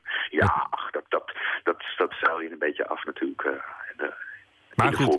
Het is, natuurlijk, het is natuurlijk makkelijk voor ons om hier van, vanuit deze verwarmde werkelijkheid daar commentaar op te hebben. Maar deze jongen, want dat werd ook even verteld, die had maar liefst twee ravijnen op de Taliban heroverd. Ja, nou ja, kijk, twee, twee dat, is, uh, dat is alweer heel wat op zo'n enorm land als Afghanistan. Dus dat, uh, nee, ik vind het ook hartstikke mooi. En ik ben ook, kijk, ik ben geen liefhebber van het Koningshuis. En, maar ik vind op zich het, het ritueel, die, die oorlog, daar kun je ook nog van, van alles van vinden. Maar het, het grootste ritueel waarbij je de helden eert... dat vind ik op zichzelf toch wel een, een mooi fenomeen. Nou, dat, dat had Dus- ik nou precies hetzelfde. Want ik denk eigenlijk altijd van iemand die, die naar een oorlog gaat... Die, die wordt daar altijd met de verkeerde motieven naartoe gestuurd. Ik heb daar heel weinig vertrouwen in. En ik denk ook dat je als Ja. individu moet proberen tegen elke prijs... om niet uitgezonden te worden, waar dan ook naartoe. Maar tegelijk had, had ik ook wel een soort... Nou ja, bijna een brok in mijn keel bij het zien van iemand die geëerd wordt voor een heldendaad. Ja, ja nee, ik, vind, het ook wel iets moois, dat, eh, dat, hele, dat leger. Kijk, ja, het is natuurlijk een, strijd van ideologieën geweest. En kun je, die, ja, daar kun je ook weer aan twijfelen. Maar op zichzelf vind ik het mooi dat het mensen zijn die zich opofferen om eh, voor de goede zaak eh, in, in totaal in een ver land te gaan strijden. Dat is op zich wel heel erg mooi. Ja, waar ik dan het grootste probleem mee heb, is, is de toespraak van onze eh, zogeheten koning. Die werkelijk waar als een, een, een, taal stond daarin. En wat er uit, een, uit die man zijn mond kwam, het leek wel een soort functioneringsgesprek bij een verzekeringsmaatschappij. Het was verschrikkelijk. De, tot totale gebrek aan poëzie of, of gevoel voor wat die mensen dan dus daadwerkelijk heeft gedaan. Dat, dat, dat kan totaal niet. Uh, maar ik had de indruk dat, dat, dat hier een, een bewuste poging werd gedaan om het niet al te uh, middeleeuws verheven te maken, maar om, om aansluiting te zoeken met, omdat het ook live op tv was, tenslotte met het publiek. Ja, ja, ik denk ook echt dat ze een 1-2'tje hebben gesloten met, met de NPO. Want die, die waren al bij de uh, inhuldiging van uh, Willem-Alexander... ging het al de hele tijd over de emoties. En dat was ook nu weer echt het, uh, het woord dat Willem-Alexander zelf volgens mij twee of drie keer in de mond heeft genomen. De emotie. Emotie, is, ja. Wat is het eigenlijk? Ontzettend hè? belangrijk. Dus ik, ik vond het zo'n verschrikkelijke speech. Ik dacht, ik... Jij kan dat beter. De ceremonie die moet herhaald worden. En daar moet er, ja, er moet iets meer kracht in komen. Het, nou, ga je gang. Zijn, maar die komt ie. Oké. Namens Willem. Major Tuinman. Dat is een held. De vrouw die in het water springt om een verdrinkend kind te redden, die noemen we een heldin. Maar ze is slechts slachtoffer van een onbezonnen aanval van altruïsme. De echte held is altruïst uit overtuiging, uit ideologie. De echte held weet dat Nederland niet perfect is, maar nog altijd duizendmaal beter dan de heilstaat van de barbaren. De held wacht niet tot zij die heilstaat komen brengen. Hij gaat erop af, trekt zijn zwaard en hakt de heilstaat in de pan. Major Tuinman, u vocht een kansloze oorlog. Heel wat Nederlanders hadden er geen goed gevoel bij. Gevoel, emotie. De held spuugt een kwad van verachting op het woord emotie. Emoties zijn voor de achterblijvers, de jankers die met zichzelf in de knoop zitten in plaats van de knopen van de vijand door midden te hakken. De held weet dat pacifisme geen optie is. Als er geschoten wordt, schiet hij terug. U heeft de gruwelen van de strijd gezien. De hitte en het stof, de kogels die het zand deden opspatten rond uw oren. U zag de genadeloosheid van de vijand. U zag de bevlekte broeken van uw kameraden. U zag de angst in hun ogen. De angst waarvan de huiskamer intellectueel zegt dat hij een slechte raadgever is. Maar u weet beter.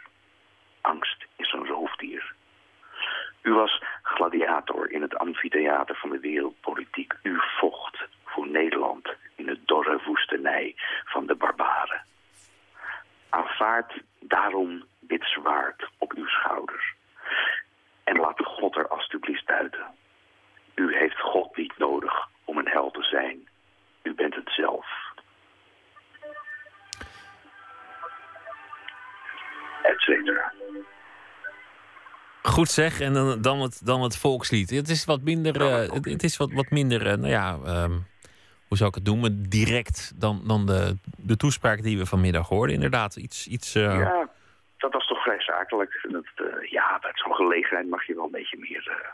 ja, of de gruwelen, de gruwelen ook van de oorlog te hebben, of ja, wat dan ook. Wat ik altijd tragisch vind, en, en dat, dat doet niks af aan de heldendaden van, van zijn jongen. En ook mhm. niks aan dat het soms af aan dat het soms nodig is dat iemand zich inzet voor een groter doel dan zichzelf. Maar als ik dan onlangs in de New York Times lees dat er al jaren in het geniep wordt onderhandeld met die Taliban, terwijl het hier wordt neergezet als het absolute kwaad en, en er heel veel mensen sneuvelen om die Taliban te bestrijden, terwijl diplomaten in een goed restaurant elders op de wereld gewoon zitten te pingelen met die Taliban, wat ook best verstandig is, maar denk ik toch, ja, ik zou er niet naartoe gaan, laat ik het zo zeggen. Ja, dat moet je toch een behoorlijk lullig gevoel geven als soldaat dan, als je dat dan achteraf hoort. Van dit, dit is ook allemaal bekonkeld ondertussen. Maar ja, dat is blijkbaar toch die, die, ehm, de, de knop die jij en ik dan misschien om kunnen zetten. Maar uh, zo'n man dan wel van, nou ja, ik, ik, ik volg de orders en die, die volg ik zo goed mogelijk. En dan verder kan ik daar in het veld mijn eigen avontuur beleven. Ja, mensen hebben ongetwijfeld ook persoonlijke motieven om, uh, om te gaan ja, of niet ja, te gaan. denk ik wel, ja. ja, ja. Jamal, dankjewel voor je verhaal. Morgen nacht uh, weer een verhaal. En uh, voor nu wens ik je een hele goede nacht. Ja, ook nog. Tracy Ford is een uh, zangeres uit Canada. Ze maakte ooit furoren in de band The Be Good Tanya's. Ze heeft een tweede soloalbum inmiddels, Indian Ocean opgenomen in een uh, soul studio in Memphis, waar ze hele beroemde mensen ontmoeten, waaronder de High Rhythm Section, die vroeger beroemd werden omdat ze samenspeelden met Al Green. We gaan luisteren naar een nummer van het album en dat heet September Fields.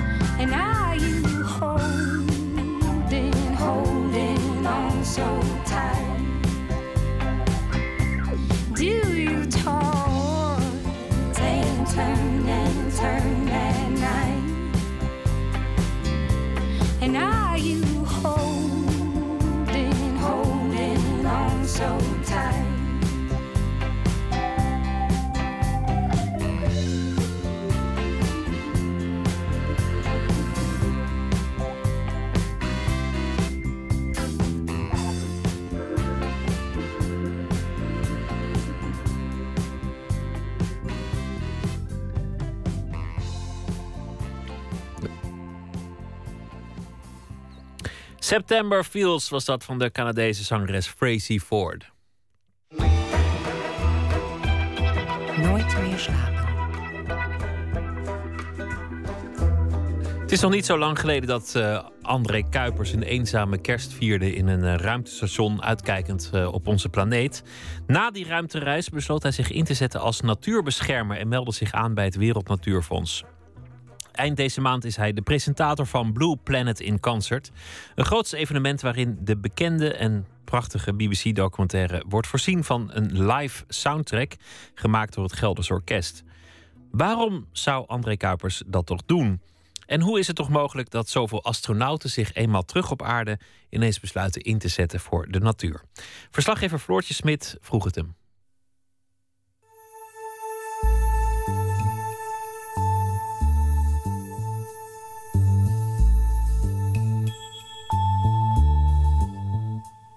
Ik weet nog wel een moment dat ik boven India vloog. En dacht ik van jeetje, daar leven een miljard mensen. En, eh, en die hebben niet door dat het beperkt is. Dat, eh, dat je in anderhalf uur, dat ik er alweer omheen ben, eh, opnieuw India zie.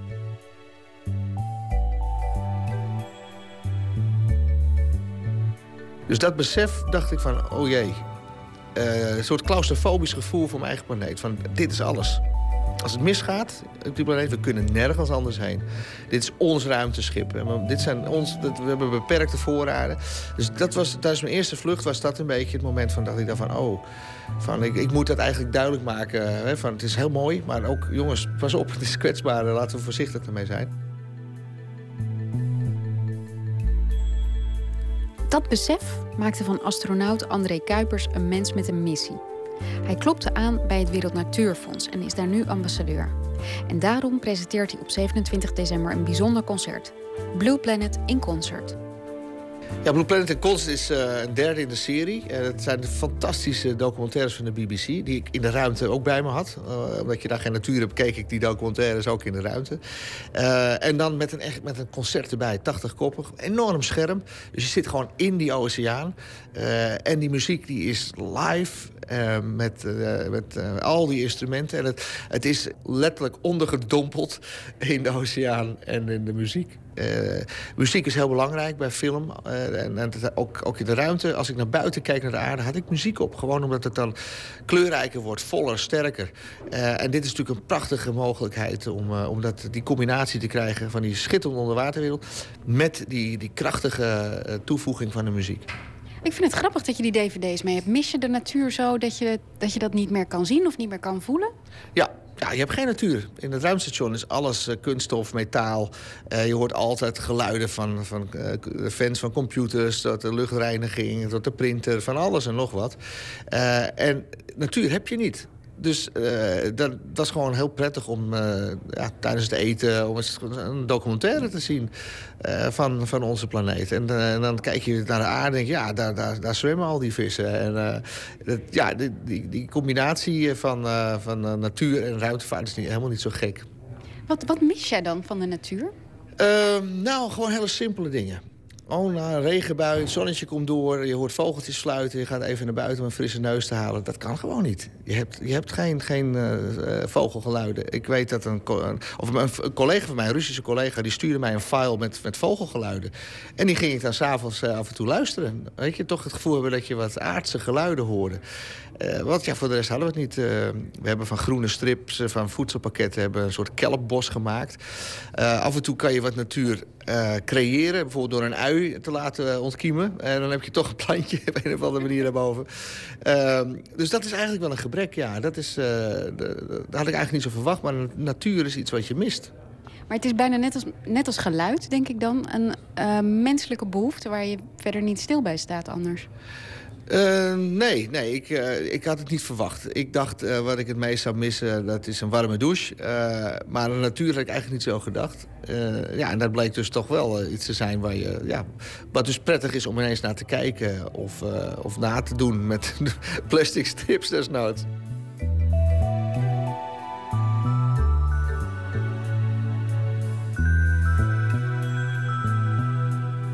Is dat de reden dat je, dat je zoveel belang bent gaan hechten aan de natuur tijdens je ruimtereizen? Uh, ja, want uh, de aarde is, eh, die is heel majestueus als je die ziet. Prachtige kleuren, grote, grote bol. Maar zodra je er langs kijkt, eh, ja, dan wordt hij ineens heel klein voor je gevoel. Hè? Een heel dun damkringetje. Je bent zo over de vruchtbare gebieden heen. Over de bossen. En een hoop, uh, ja, er is natuurlijk een hoop... Uh, uh, vervuiling. Je kan het ook zien, de ontbossing.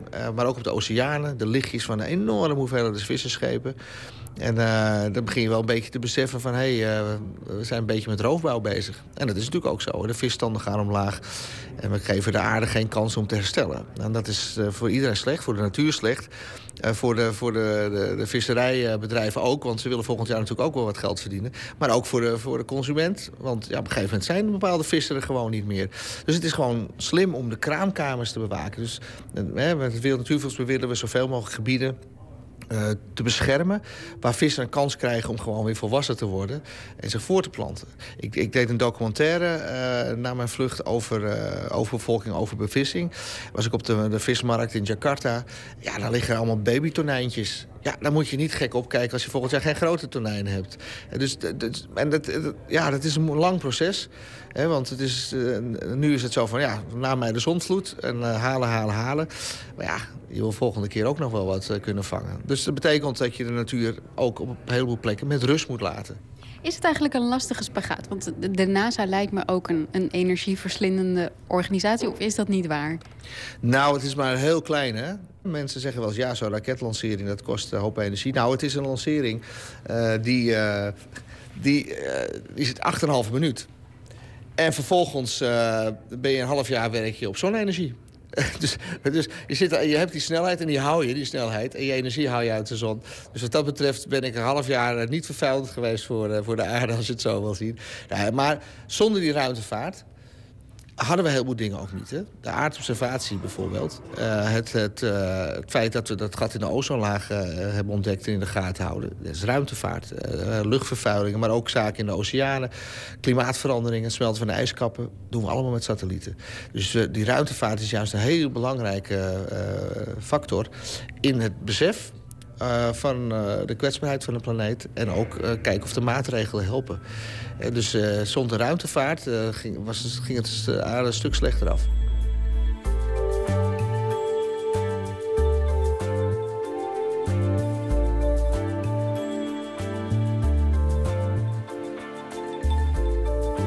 Ik weet wel dat mijn Russische collega doet dat voor eh, in Rusland.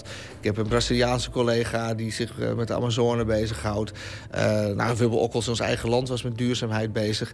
Dus het is wel iets wat hoop astronauten ja, aantrekt. Van hé, hey, laat, laat ik me eens inzetten om die mooie planeet te behouden. Is het nou zo dat je als, als astronaut bijna twee kanten op gaat? Dat je of een, een bijna religieuze ervaring krijgt... of heel erg de natuur gaat beschermen? Dat is hetzelfde. Eh, ik, heb, ik ben niet religieus. Ik heb ook geen religieuze ervaring gehad. Maar wel, ik noem het maar een, een kosmische ervaring. Op een gegeven moment voel je... Ik weet wel dat ik op een bol woon. En dat, de, dat, uh, dat de lucht niet oneindig is. Uh, maar als ik buiten loop, is de lucht wel oneindig en de aarde is gewoon plat. Maar als je in de ruimte komt en je draait om die aarde heen... en je ziet de aarde boven je hangen... Uh, dan, dan besef je ineens uh, dat, je, ja, dat, je, dat je onderdeel bent van iets veel groters. Onderdeel bent van een stel bollen die om elkaar heen draaien. Van een universum. Uh, het is prachtig die sterren te zien. sterrenhopen, het noorderlicht, meteoren die onder je doorschieten. De zon komt op, de planeten zie je, zie je en, de maan komt op. En dan ga je weer onderdoor. Dus je voelt een kosmisch gevoel. En uh, ja, dat, dat, is, dat is een, een fantastisch gevoel. En dat is ook meteen, het, ja, dat weet je ook dat de, ja, de aarde is een stukje daarvan. De natuur is een stuk daarvan. Is één geheel. De kosmos, dat is ook het, het mooie, het Griekse woord kosmos, komt daar natuurlijk vandaan. En, en dat voel je ook. Onderdeel van, van iets veel groters.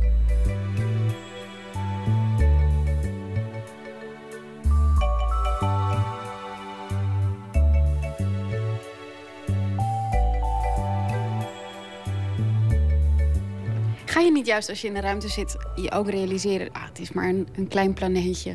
Hè? Als, als wij er niet meer zijn, als deze planeet er niet meer is... dan is er is nog zoveel meer. Dat is ook zo. Zonder leven eh, gaat het heelal gewoon door. En zonder mens gaat de aarde ook gewoon door. Alleen, wij wonen er wel op. En wij hebben de biologische drang om in leven te blijven. Uh, en uh, ja, we hebben ook hersenen om dat op een goede manier te doen. Dus wat dat betreft moeten we goed zijn voor onszelf. Maar daarmee ook goed voor de natuur. Want daar zijn we onderdeel van. En halen we profijt uit. en dus in, in het belang van jezelf eigenlijk moet je zorgen dat die natuur intact blijft. En met zo'n film als dit kunnen we natuurlijk heel goed laten zien hoe mooi het is. Want dat moet je ook laten zien. Hè? Mensen denken, ja, een oceaan is een uh, grauw stuk water... die schoot er een vis net in en je hebt je vis op, de, op je bord. Maar onder water heb je natuurlijk een enorm ecosysteem... en een wereld die, die, uh, die heel kwetsbaar is. Als je die stuk maakt, ja, dan, uh, dan duurt het heel lang voordat een koraal hersteld is... of voordat vissen weer een goede grootte krijgen om te vangen.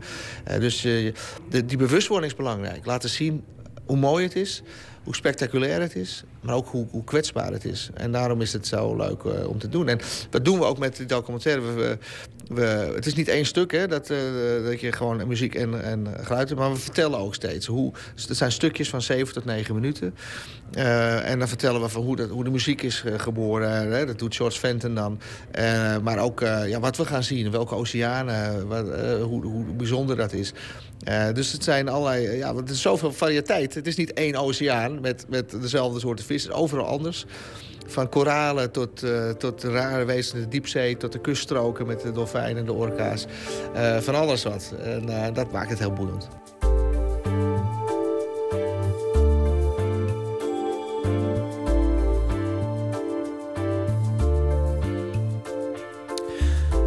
André Kuipers over Blue Planet in concert dat hij zal uh, presenteren. Een BBC-documentaire voorzien van live muziek door het Gelders Orkest.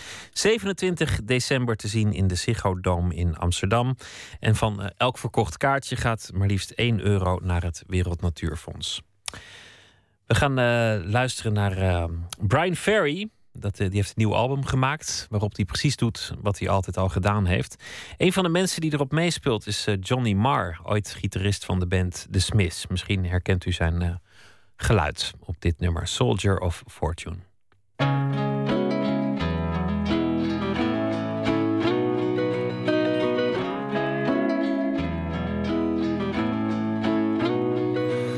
Soldier of fortune.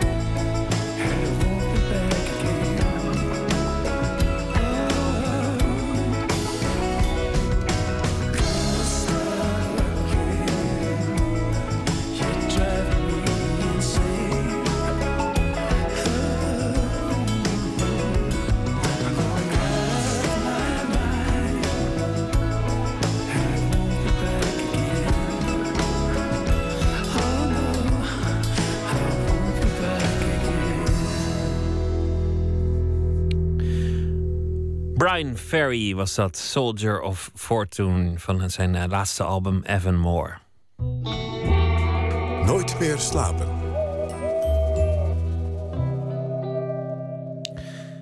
Nederland werd vandaag verblijd met uh, twee bijzondere kunstontdekkingen. Drie belangrijke werken zijn aan het licht gekomen en twee hebben een Nederlands tintje.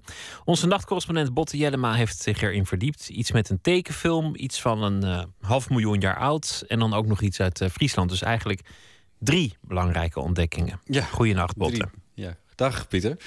Ja, hier de oudste even. Uh, in Museum Naturalis, Leiden, heeft jarenlang een schelpje in een laag gelegen.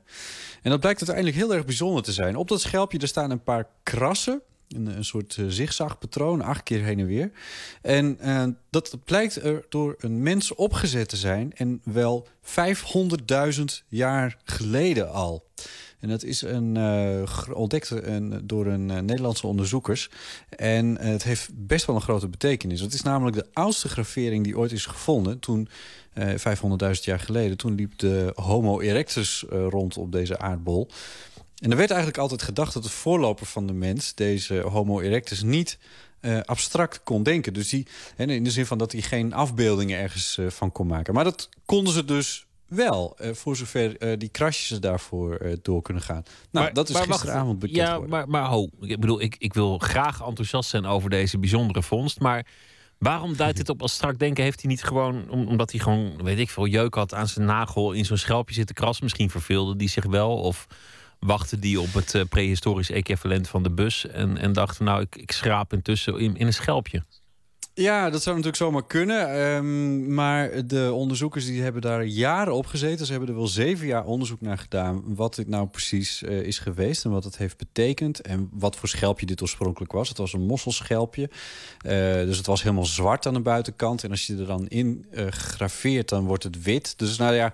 Um, de, de, je kan het er heel lang over hebben, maar, maar uiteindelijk werd het toch gezien als een, uh, een, een abstractie. Een, uh, een eerste vorm van creativiteit. Nou ja. Het moet ergens beginnen en daar het was het. beginnen. En het product van die eerste stappen richting creativiteit zijn dus uh, herontdekt. Dan een ontdekking in Friesland. Ja, precies. Want in Leeuwarden is een museum, een museum met keramiek. Dat is het Prinsessenhof. En vandaag werd bekend dat zij een Chinees schaaltje hebben... dat bijna duizend jaar oud is. Uh, op het oog een heel simpel bakje. Uh, Groen-blauw glazuur en uh, geen versieringen. En het gaat om een roe, een bakje. Uh, het werd uh, gebruikt om penselen in te wassen, maar dan wel exclusief door de Chinese keizer. En dat, uh, daar ben ik even wat achteraan geweest. Dus daar heb ik even over gebeld met het hoofdcollectie van de Prinseshof, Frank van der Velde. Het bakje ziet er eigenlijk zo op het eerste oog heel erg eenvoudig uit. Het is, het is een klein schaaltje, 13 centimeter in doorsnede. Het ziet eruit als een, schaaltje met een, een, een hoge opstaande rand je zou er eigenlijk zo aan voorbij lopen als je niet beter zou weten. En uh, ze wisten niet beter, want er is ook uh, lange tijd aan uh, voorbij gelopen dus. Ja, nou, ze hadden wel het vermoeden dat het uh, een roe was. Uh, het, dat bakje dat staat al sinds begin jaren tachtig in een museum in Leeuwarden. Maar er moest eerst echt even worden bekeken of het ook wel zo is. En een paar weken geleden was er een kenner uit Taipei die in, in Leeuwarden was. en die wist er meer van. En die kon, uiteindelijk hebben ze dat onderzocht. En er zijn maar iets van 79 uh, stuks bewaard gebleven van dit uh, duizend jaar oude uh, werk. Dit is er eentje van. Het is ook nog eens een keertje de enige op het Europese continent. Nou, en in een populair tv-programma is dan de vraag waar iedereen op zit te wachten: hoeveel Precies. is het waard? Wat is het waard? En uh, twee jaar geleden is er een vergelijkbaar object verkocht voor bijna 27 miljoen dollar. En dit is dus heel erg belangrijk voor de Prinseshof. Dat vertelde Frank van den Velde mij. Nou, we hebben al een, een hele belangrijke collectie op het gebied van Aziatische keramiek. Bijvoorbeeld als je kijkt naar Ming, dat is zo'n andere periode die tot de verbeelding spreekt, is het de belangrijkste collectie in Nederland. En met zo'n bakje erbij verstevig je eigenlijk alleen maar ja, het belang van je collectie. Ja, hij noemt het dus hun nachtwacht, zo zei hij tegen mij. Het is veel waard, maar ze zullen het nooit verkopen. Uh, ze overwegen zelfs om het schaaltje in een speciale zaal te zetten. Het, grappige is, de conservator hier, die, die echt een groot expert is op het gebied van Aziatische keramiek, heeft een keer met een microscoop naar het bakje gekeken en die zei, nou, het lijkt wel een LSD-trip. In, dat glazuur zit een soort gelaagdheid en een krakelee en een scholletjes. Het lijkt wel jade. Bijna alsof je in het heelal kijkt, als het ware. Het is echt ongelooflijk dat zo'n object, wat er zo simpel uitziet... dat dat met zo'n ongelooflijk vakmanschap is gemaakt. Het toppunt van de verfijnde keizerlijke smaak. Ja, je zei, ze zullen het nooit verkopen. Het is ook heel moeilijk om zoiets te verkopen. Ook al zou je het willen, dan er zijn natuurlijk maar een paar kopers in de wereld die het zouden willen hebben en die het ook nog kunnen betalen. Dus eh, Ja. het staat daar eh, goed. Ze zijn er ook trots op, ze zijn er blij mee. Je had het ook nog over een eh, ontdekking, want het- er waren drie grote ontdekkingen vandaag uit een, uit een tekenfilm. Ja, nou, dit is een heel wonderlijk verhaal. Wonderlijk verhaal van afgelopen week. Vijftien jaar geleden zat een Hongaarse kunsthistoricus... een beetje rond deze tijd, rond de kerst... met zijn kinderen naar deze film te kijken. This holiday season, you're invited to meet the newest member of the Little family. Attention, everybody. This is Stuart. Hello. Ja, Stuart Little, een eh, familiefilm met een geanimeerd muisje in de hoofdrol. En in een, een bepaalde scène uit die film, eh, daar zit op de achtergrond iets wat deze eh, kunsthistoricus herkende. En hij vertelde erover aan het Amerikaanse NPR. It was a painting which I have known from a black and white photograph by a Hungarian painter called Robert Bering. Ja, een schilderij dat hij herkende van een zwart-wit foto van een Robert Berani. Ja, een Hongaarse schilder, avant-gardist. En dit stuk dat heette De slapende vrouw met zwarte vaas. En het eh, werd vermist eh, al bijna 100 jaar, namelijk sinds 1928. Het is natuurlijk heel onwaarschijnlijk dat je zoiets ontdekt in een film. Dus deze eh, man die besloot eh, om het tot in detail uit te gaan zoeken. Daar heeft hij jaren over gedaan. Maar op een gegeven moment Finally, about a month later or so, I received an email from the assistant set designer, and she answered that, "Hi, Gergely, the painting is with me in my home. Whenever you come to the U.S., you are more than welcome to see the painting in real." Nou ja, na veel heen en weer met de studio kwam na een tijdje een mail van de assistent setdesigner. Ze had het ooit gekocht voor 500 dollar. En ze schreef eh, aan deze eh, kunsthistoricus... Het schilderij, het schilderij is bij mij. Als je in de Verenigde Staten bent, kom dan zeker even langs. En eind goed, al goed. Net als in de film Stuart Little. Eh, het schilderij is nu weer in Hongarije. En het zal later deze maand eh, eh, op een veiling aangeboden worden. En het begint met een prijs van meer dan 100.000 dollar. Kortom, drie belangrijke ontdekkingen, twee in Nederland en uiteindelijk nog een derde. Ehm, wat we nu weten is dus dat de mensheid al eh 500.000 jaar creatief is. Dat je bij kerstfilms je ogen open moet houden en niet eh, onderuit moet zakken. En dat een museum in Friesland eh, op papier 20 miljoen euro rijker is geworden. Precies. Ja, nou, mooi- eh, toch nog een mooie dag geworden uiteindelijk, toch? Ja, lijkt me ook. Ja, ja. Goedenacht, Botte Jellema. Dankjewel. Tot snel. Als fotomodel heeft Nadia Mladio zo'n beetje alles gezien wat er in de wereld eh, te krijgen is aan luxe en overdaad.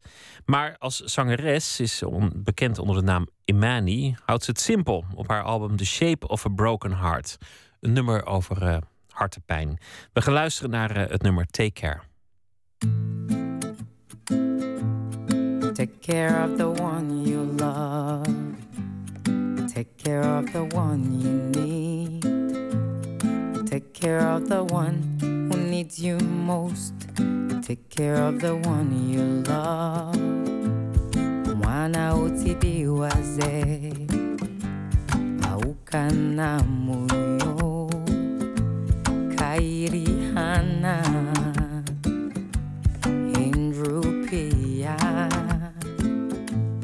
Jana halawa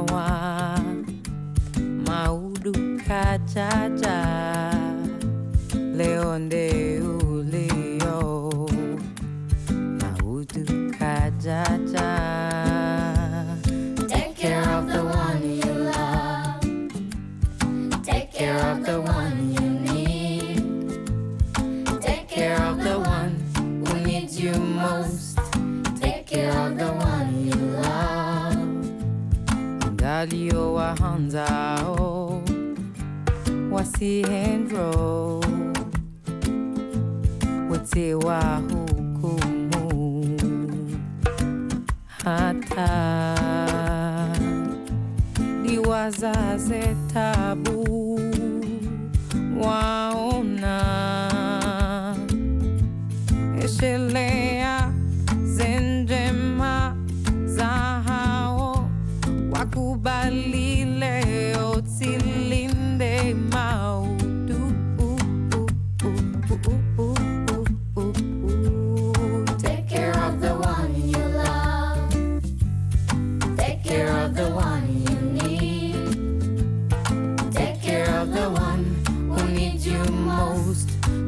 home, the one that fills your soul.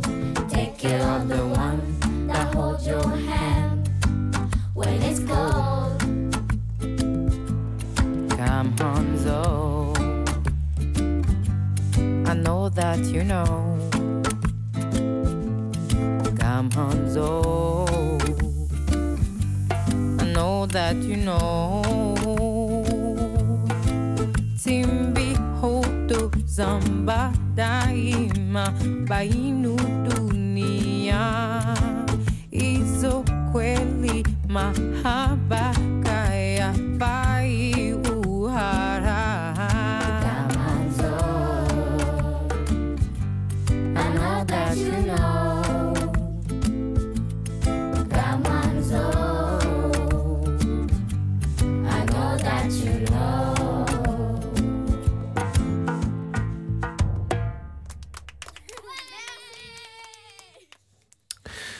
Dat was eh Imani van haar eh, nieuwe album. Was dat het eh, nummer Take Care. Nooit meer slapen.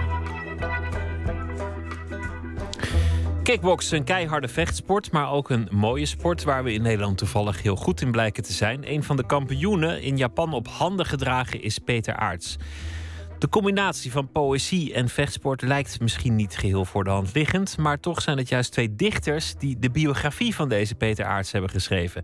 Daniel D. en Karel ten Haaf. Verslaggever Emmy Colau kijkt met Daniel D. een aantal wedstrijden en praat met hem over zijn fascinatie voor Peter Aarts, ook wel bekend als de Dutch Lumberjack. Je weet zodra Peter Aarts de ring instapt eh, dat er iets gaat gebeuren. Je weet niet wat, maar hij gaat er vol voor. Het is sensatie.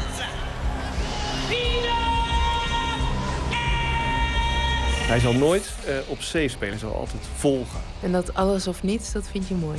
Ja, dat vind ik heel mooi. Ja. And here comes the Dutch lumberjack wearing the traditional red and black check shirt as he always Ja, Peter Aarts eh, eh, heeft als bijnaam de Lumberjack. Dus, eh, en zo is hij ook gekleed. Dus in een eh, geruit rood-zwart eh, ja, overhemdje eigenlijk. En een eh, geblokt, eh, dezelfde kleur eh, pet. We kijken nu naar een filmpje op YouTube... waar in hoog tempo een aantal mensen knock-out geslagen worden. Ja, ik wilde het gewoon even laten zien eh, om eh, nou ja, te laten zien wat voor soort vechter Peter Aarts eigenlijk is. Want hij schopt nou, hè, bijna letterlijk iemands hoofd eraf. Weet je wel, kijk, hier zie je zo'n rechter high kick eh, tegen het hoofd van de tegenstander. En, nou ja, het is net alsof hij een boom omtrapt.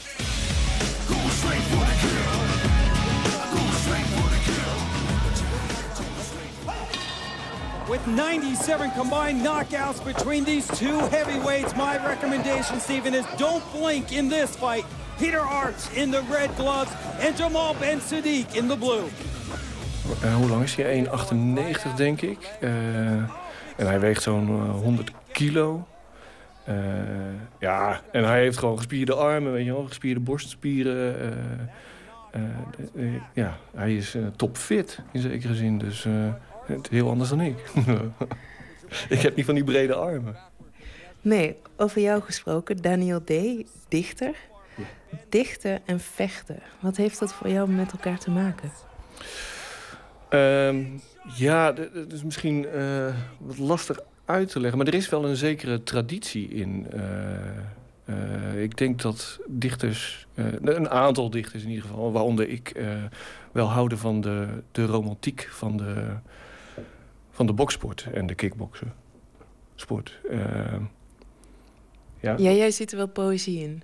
Ja, ik zie er wel poëzie in. Eh, Wat mij vooral heel erg aanspreekt... je hebt natuurlijk te maken met twee mannen... die op eh, de toppen van hun kunnen en fit elkaar uitdagen... om zich aan elkaar te meten. Kijken wie de sterkste is.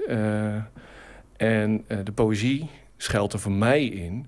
dat je gewoon nooit weet wat er gaat gebeuren. Want je hebt dus twee fitte mannen die... eh, nou ja, willen laten zien wie de beste is. En nou, er kan van alles gebeuren in eh, drie keer drie minuten. En het kan binnen tien seconden afgelopen zijn, maar het kan ook eh, hè, negen minuten lang duren en onduidelijk zijn wie de wint. Het is ja, vooral dat je, net als in de poëzie eigenlijk, verrast wordt. Ja, dit is nou eh, typisch zo'n wedstrijd, eh, nou ja, wat ik net vertelde, waarin dus eigenlijk van alles gebeurt. Je weet gewoon niet hè, wie er gaat winnen. Het gaat alle kanten op. eh. With 97 combined knockouts between these two heavyweights, my Je gaat ook wel eens naar die live gevechten. Hoe is dat dan? Eh, ja, dat is intenser. Ik bedoel, je, zit, je, kan het hier ook zien. Weet je, het is een hele grote eh, arena eigenlijk. Er zitten heel veel mensen. Maar als je een beetje dicht bij de ring eh, zit, dan hoor je de klappen en stoten. En dat eh, heeft veel meer impact dan vanaf een scherm te kijken eigenlijk. eh. Dus, en het is een gedeelde ja, plezier. Weet je. zit daar met z'n allen. iedereen zit door elkaar ook, in tegenstelling tot voetbal. Dus en de een is voor die en de ander is voor die. En ja, je hebt gewoon lol. Je staat te juichen, weet je wel. Dus een beetje springen op de stoel. Oh, and down goes Arts! Big shot there Ben Sadiq. De, de, de adrenaline eh, raast door mijn lichaam eigenlijk eh, op dat moment. Alsof je bijna zelf in die ring staat. Can Peter Arts shake it off? Als er dan een klap valt, dan hoor je het door de zaal zinderen. Zeg maar. Dus eh, ja. It looks like there's an issue. They're looking at Peter Arts right now. En die pijn, als er echt bloed is of, of er breken wel eens botten, kan je daar naar kijken? Ja hoor, daar kan ik goed naar kijken. Ja. En er, er worden inderdaad wel eens eh, botten gebroken, ribben, eh, handen. Ja. ik denk dat het iets, eh, iets dierlijks is. Dat het gewoon nog in de mens is blijven zitten. Dat we gewoon naar pijn willen kijken. Naar mensen die elkaar een pak slaag geven. Vermoed ik dat het daar vandaan komt. Ik, Dat het bijna lekker is. Dus. ja. Maar ik, ja, ik denk toch dat het, eh, het in de mens zit. En bij de een misschien iets meer dan bij de ander. Maar Zegt hij met glimoogjes. Maar ja, je ziet eigenlijk al, hè, eh, eh, Peter Aarts krijgt gewoon een pak slaag nu. Al een paar keer een paar acties, eh, hè, dat hij toch naar achter moet. En eh ja, Ben Sadik heeft ook hele lange armen. Dus nou, hier, dit is al de eerste keer dat hij dan neergaat. En wat is er aan de hand dan? Hij heeft een scheurtje in zijn eh, wenkbrauw. Ja, en als het te erg bloedt, dan kan je niet door. Dus dan moet de arts het, eh, de wedstrijd staken. Dus dan verlies je technisch knock-out. Low kick from Arts. And Je hebt de knokker die eh, nou ja, hè, van iedereen gewonnen heeft en eh, nou, een meedogenloze vechter is eigenlijk. Maar je hebt ook de Brabantse jongen die heel gemoedelijk is en eh, een, eh, een huisvader is en eh, van, van grappen maken houdt. En eh, een beetje een schavuit. De arts die kan het ook heel goed zien, vind ik altijd, bij bijvoorbeeld de stare-down, wat je dan hebt met de persconferentie de dag van tevoren. Dan gaan de twee vechters tegenover elkaar staan. Dan gaan ze heel stoer en hè, heel boos Oh, dat zie je altijd op die foto's. Dan staan ze zo tegenover elkaar Ja, en dan ja. Ja. staat er een tekst van die tegen die. Ja, precies. Ja. En, en Peter Aerts is denk ik de enige die altijd probeert de ander aan het lachen te krijgen. Uit wat voor soort nest komt hij? Hij is eh enig kind uit, eh, uit Best. Hij is opgegroeid in Best, in Brabant dus. Ja, weet je, de zomers bracht hij door op de camping. Gewoon, hij, is geen, hij is niet iemand die uit een achterbuurt komt... of, of een crimineel verleden heeft of zo. Hij is gewoon een normale jongen geweest die eigenlijk een beetje stil was... die van vissen hield en, en van lichamelijk bezig zijn. We are seeing everything. And the knee drop. Jamal Ben Sadiq. He is down. En kijk hier, nou, dit is dan de tweede ronde. En binnen 10 seconden eh, is het al... Hè? Ligt Benson die al op de grond. Die weet niet wat hem overkomt. Die dacht, ik heb al gewonnen. Die eerste ronde was helemaal voor hem. Dus hij wordt helemaal overrompeld. En nou, ja, nou zie je ook gelijk hoe goed Peter Aerts is. Die komt gewoon terug. Die laat eens even zien hoe het weg moet. Nou, eigenlijk bijna als een straatvechter. Maar dan met techniek. That is one of the most dramatic fights I have ever seen because of the cut. It looked like they're going to stop the fight. Als schrijver en als dichter ga je natuurlijk altijd op zoek naar drama en naar tragiek. Maar Peter Aerts komt over als een man. Het is geen Badr Hari. Hij, heeft, hij is Nee. best wel een burgerlijke man uiteindelijk, ook al is hij kickbokser. Ja, dat klopt. Waar zit toch zijn tragiek? Of is die er? Nee, nou kijk, weet je, wij hadden ook een beetje als insteek van... hoe kan nou eh, zo iemand... Hè, wat is nou het geheim van Peter Aarts? Hoe kan hij nou eh, zo goed zijn? Uiteindelijk is het natuurlijk gewoon een, een eh, combinatie van factoren. Hij heeft gewoon een goed genenpakket. Eh, en hij heeft een winnaarsmentaliteit. Eh, maar er is geen, eh, inderdaad geen tragiek of zo dat hij, weet ik veel, een, een broer heeft verloren. Of nou ja, wat ik net zei, hè, een crimineel verleden had dat hij een straatjongen was en zich heeft moeten ontworstelen aan nou ja, negatieve invloeden of wat dan ook. Nou ja, hij is gewoon iemand die niet stil kan zitten. Maar vond je het dan niet jammer? Had je niet gehoopt dat er ergens nog een, een drama zou zijn? Gewoon puur als schrijver, omdat het dan fijn is. Pijn is fijn, zoals je al zei. Ja, precies. Ja, ik moet je eerlijk bekennen, ik heb daar niet zo eh, over nagedacht. Nee, nee wat, wat, nou, wat ik net zei, weet je wel, voor ons was vooral de insteek... hoe kan zo iemand zo goed worden? Dus dat hebben wij geprobeerd eh, een beetje te verwoorden, uiteindelijk. Eh, ja, of ik het mis, zo'n drama. Ik weet het niet. Ik, denk, hij is wel een schoolvoorbeeld voor de sport natuurlijk. Uh, hij heeft uh, uh, nooit een misstap gedaan hè, buiten de ring. dus het, hij is het goede voorbeeld. En dat is gewoon fijn. Want dat verdient de sport ook wel, vind ik. Een echte held. Ja, een echte held. Ja, ja.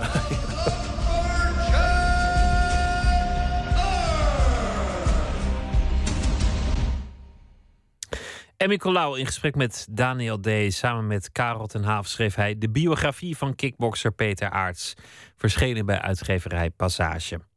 Jonathan Wilson is een Amerikaanse singer-songwriter. Was in de muziek vooral op de achtergrond belangrijk, aanvankelijk althans, bij onder meer Bunny Prince Billy. Hij heeft uh, ook uh, meegespeeld op platen van Erykah Badu en Crosby, Stills en Nash. In 2007 maakte hij voor het eerst zijn eigen muziek. Hij heeft een nieuwe EP uit, Slide By. We gaan luisteren naar het uh, titelnummer dat inderdaad ook Slide By heet, Jonathan Wilson. Take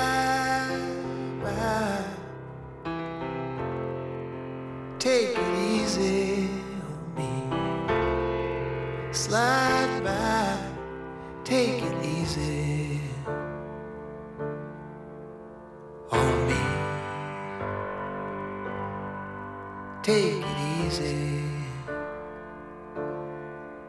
on me.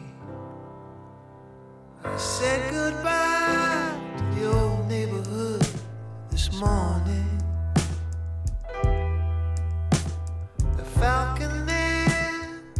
The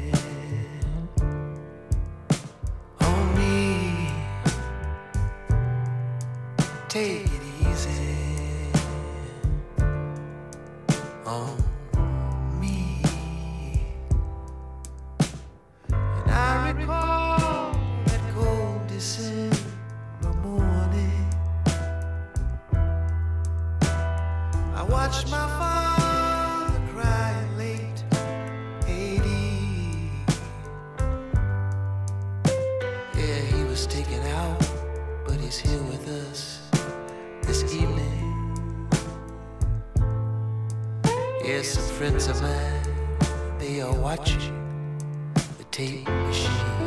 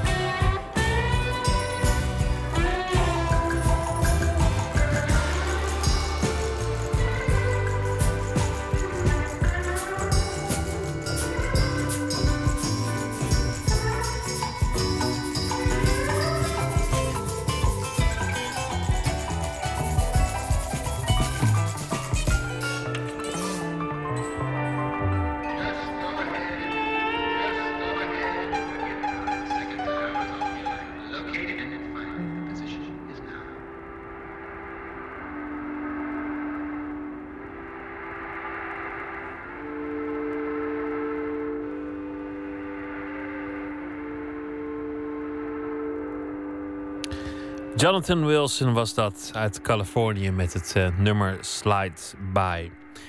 We zijn eh, zo'n beetje aan het einde gekomen van deze aflevering van Nooit meer slapen. Morgen dan zijn we er weer na middernacht. De Gooise vrouwen Claire, Cheryl, Anouk en Rolien zijn terug. In navolging van het eh, succes van de film Gooise Vrouwen. Dat volgt op de populaire televisieserie. Volgt nu Gooise Vrouwen deel 2.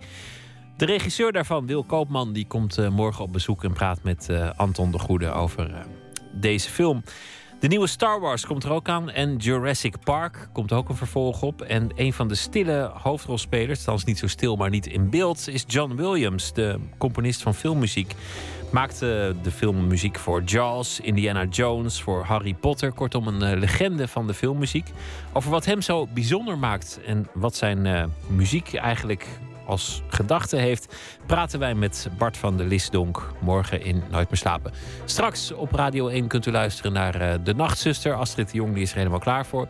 Ik wens u een hele goede nacht en eh, ook morgen een leuke dag. En ik hoop dat u eh, morgen weer zult luisteren. Goeienacht.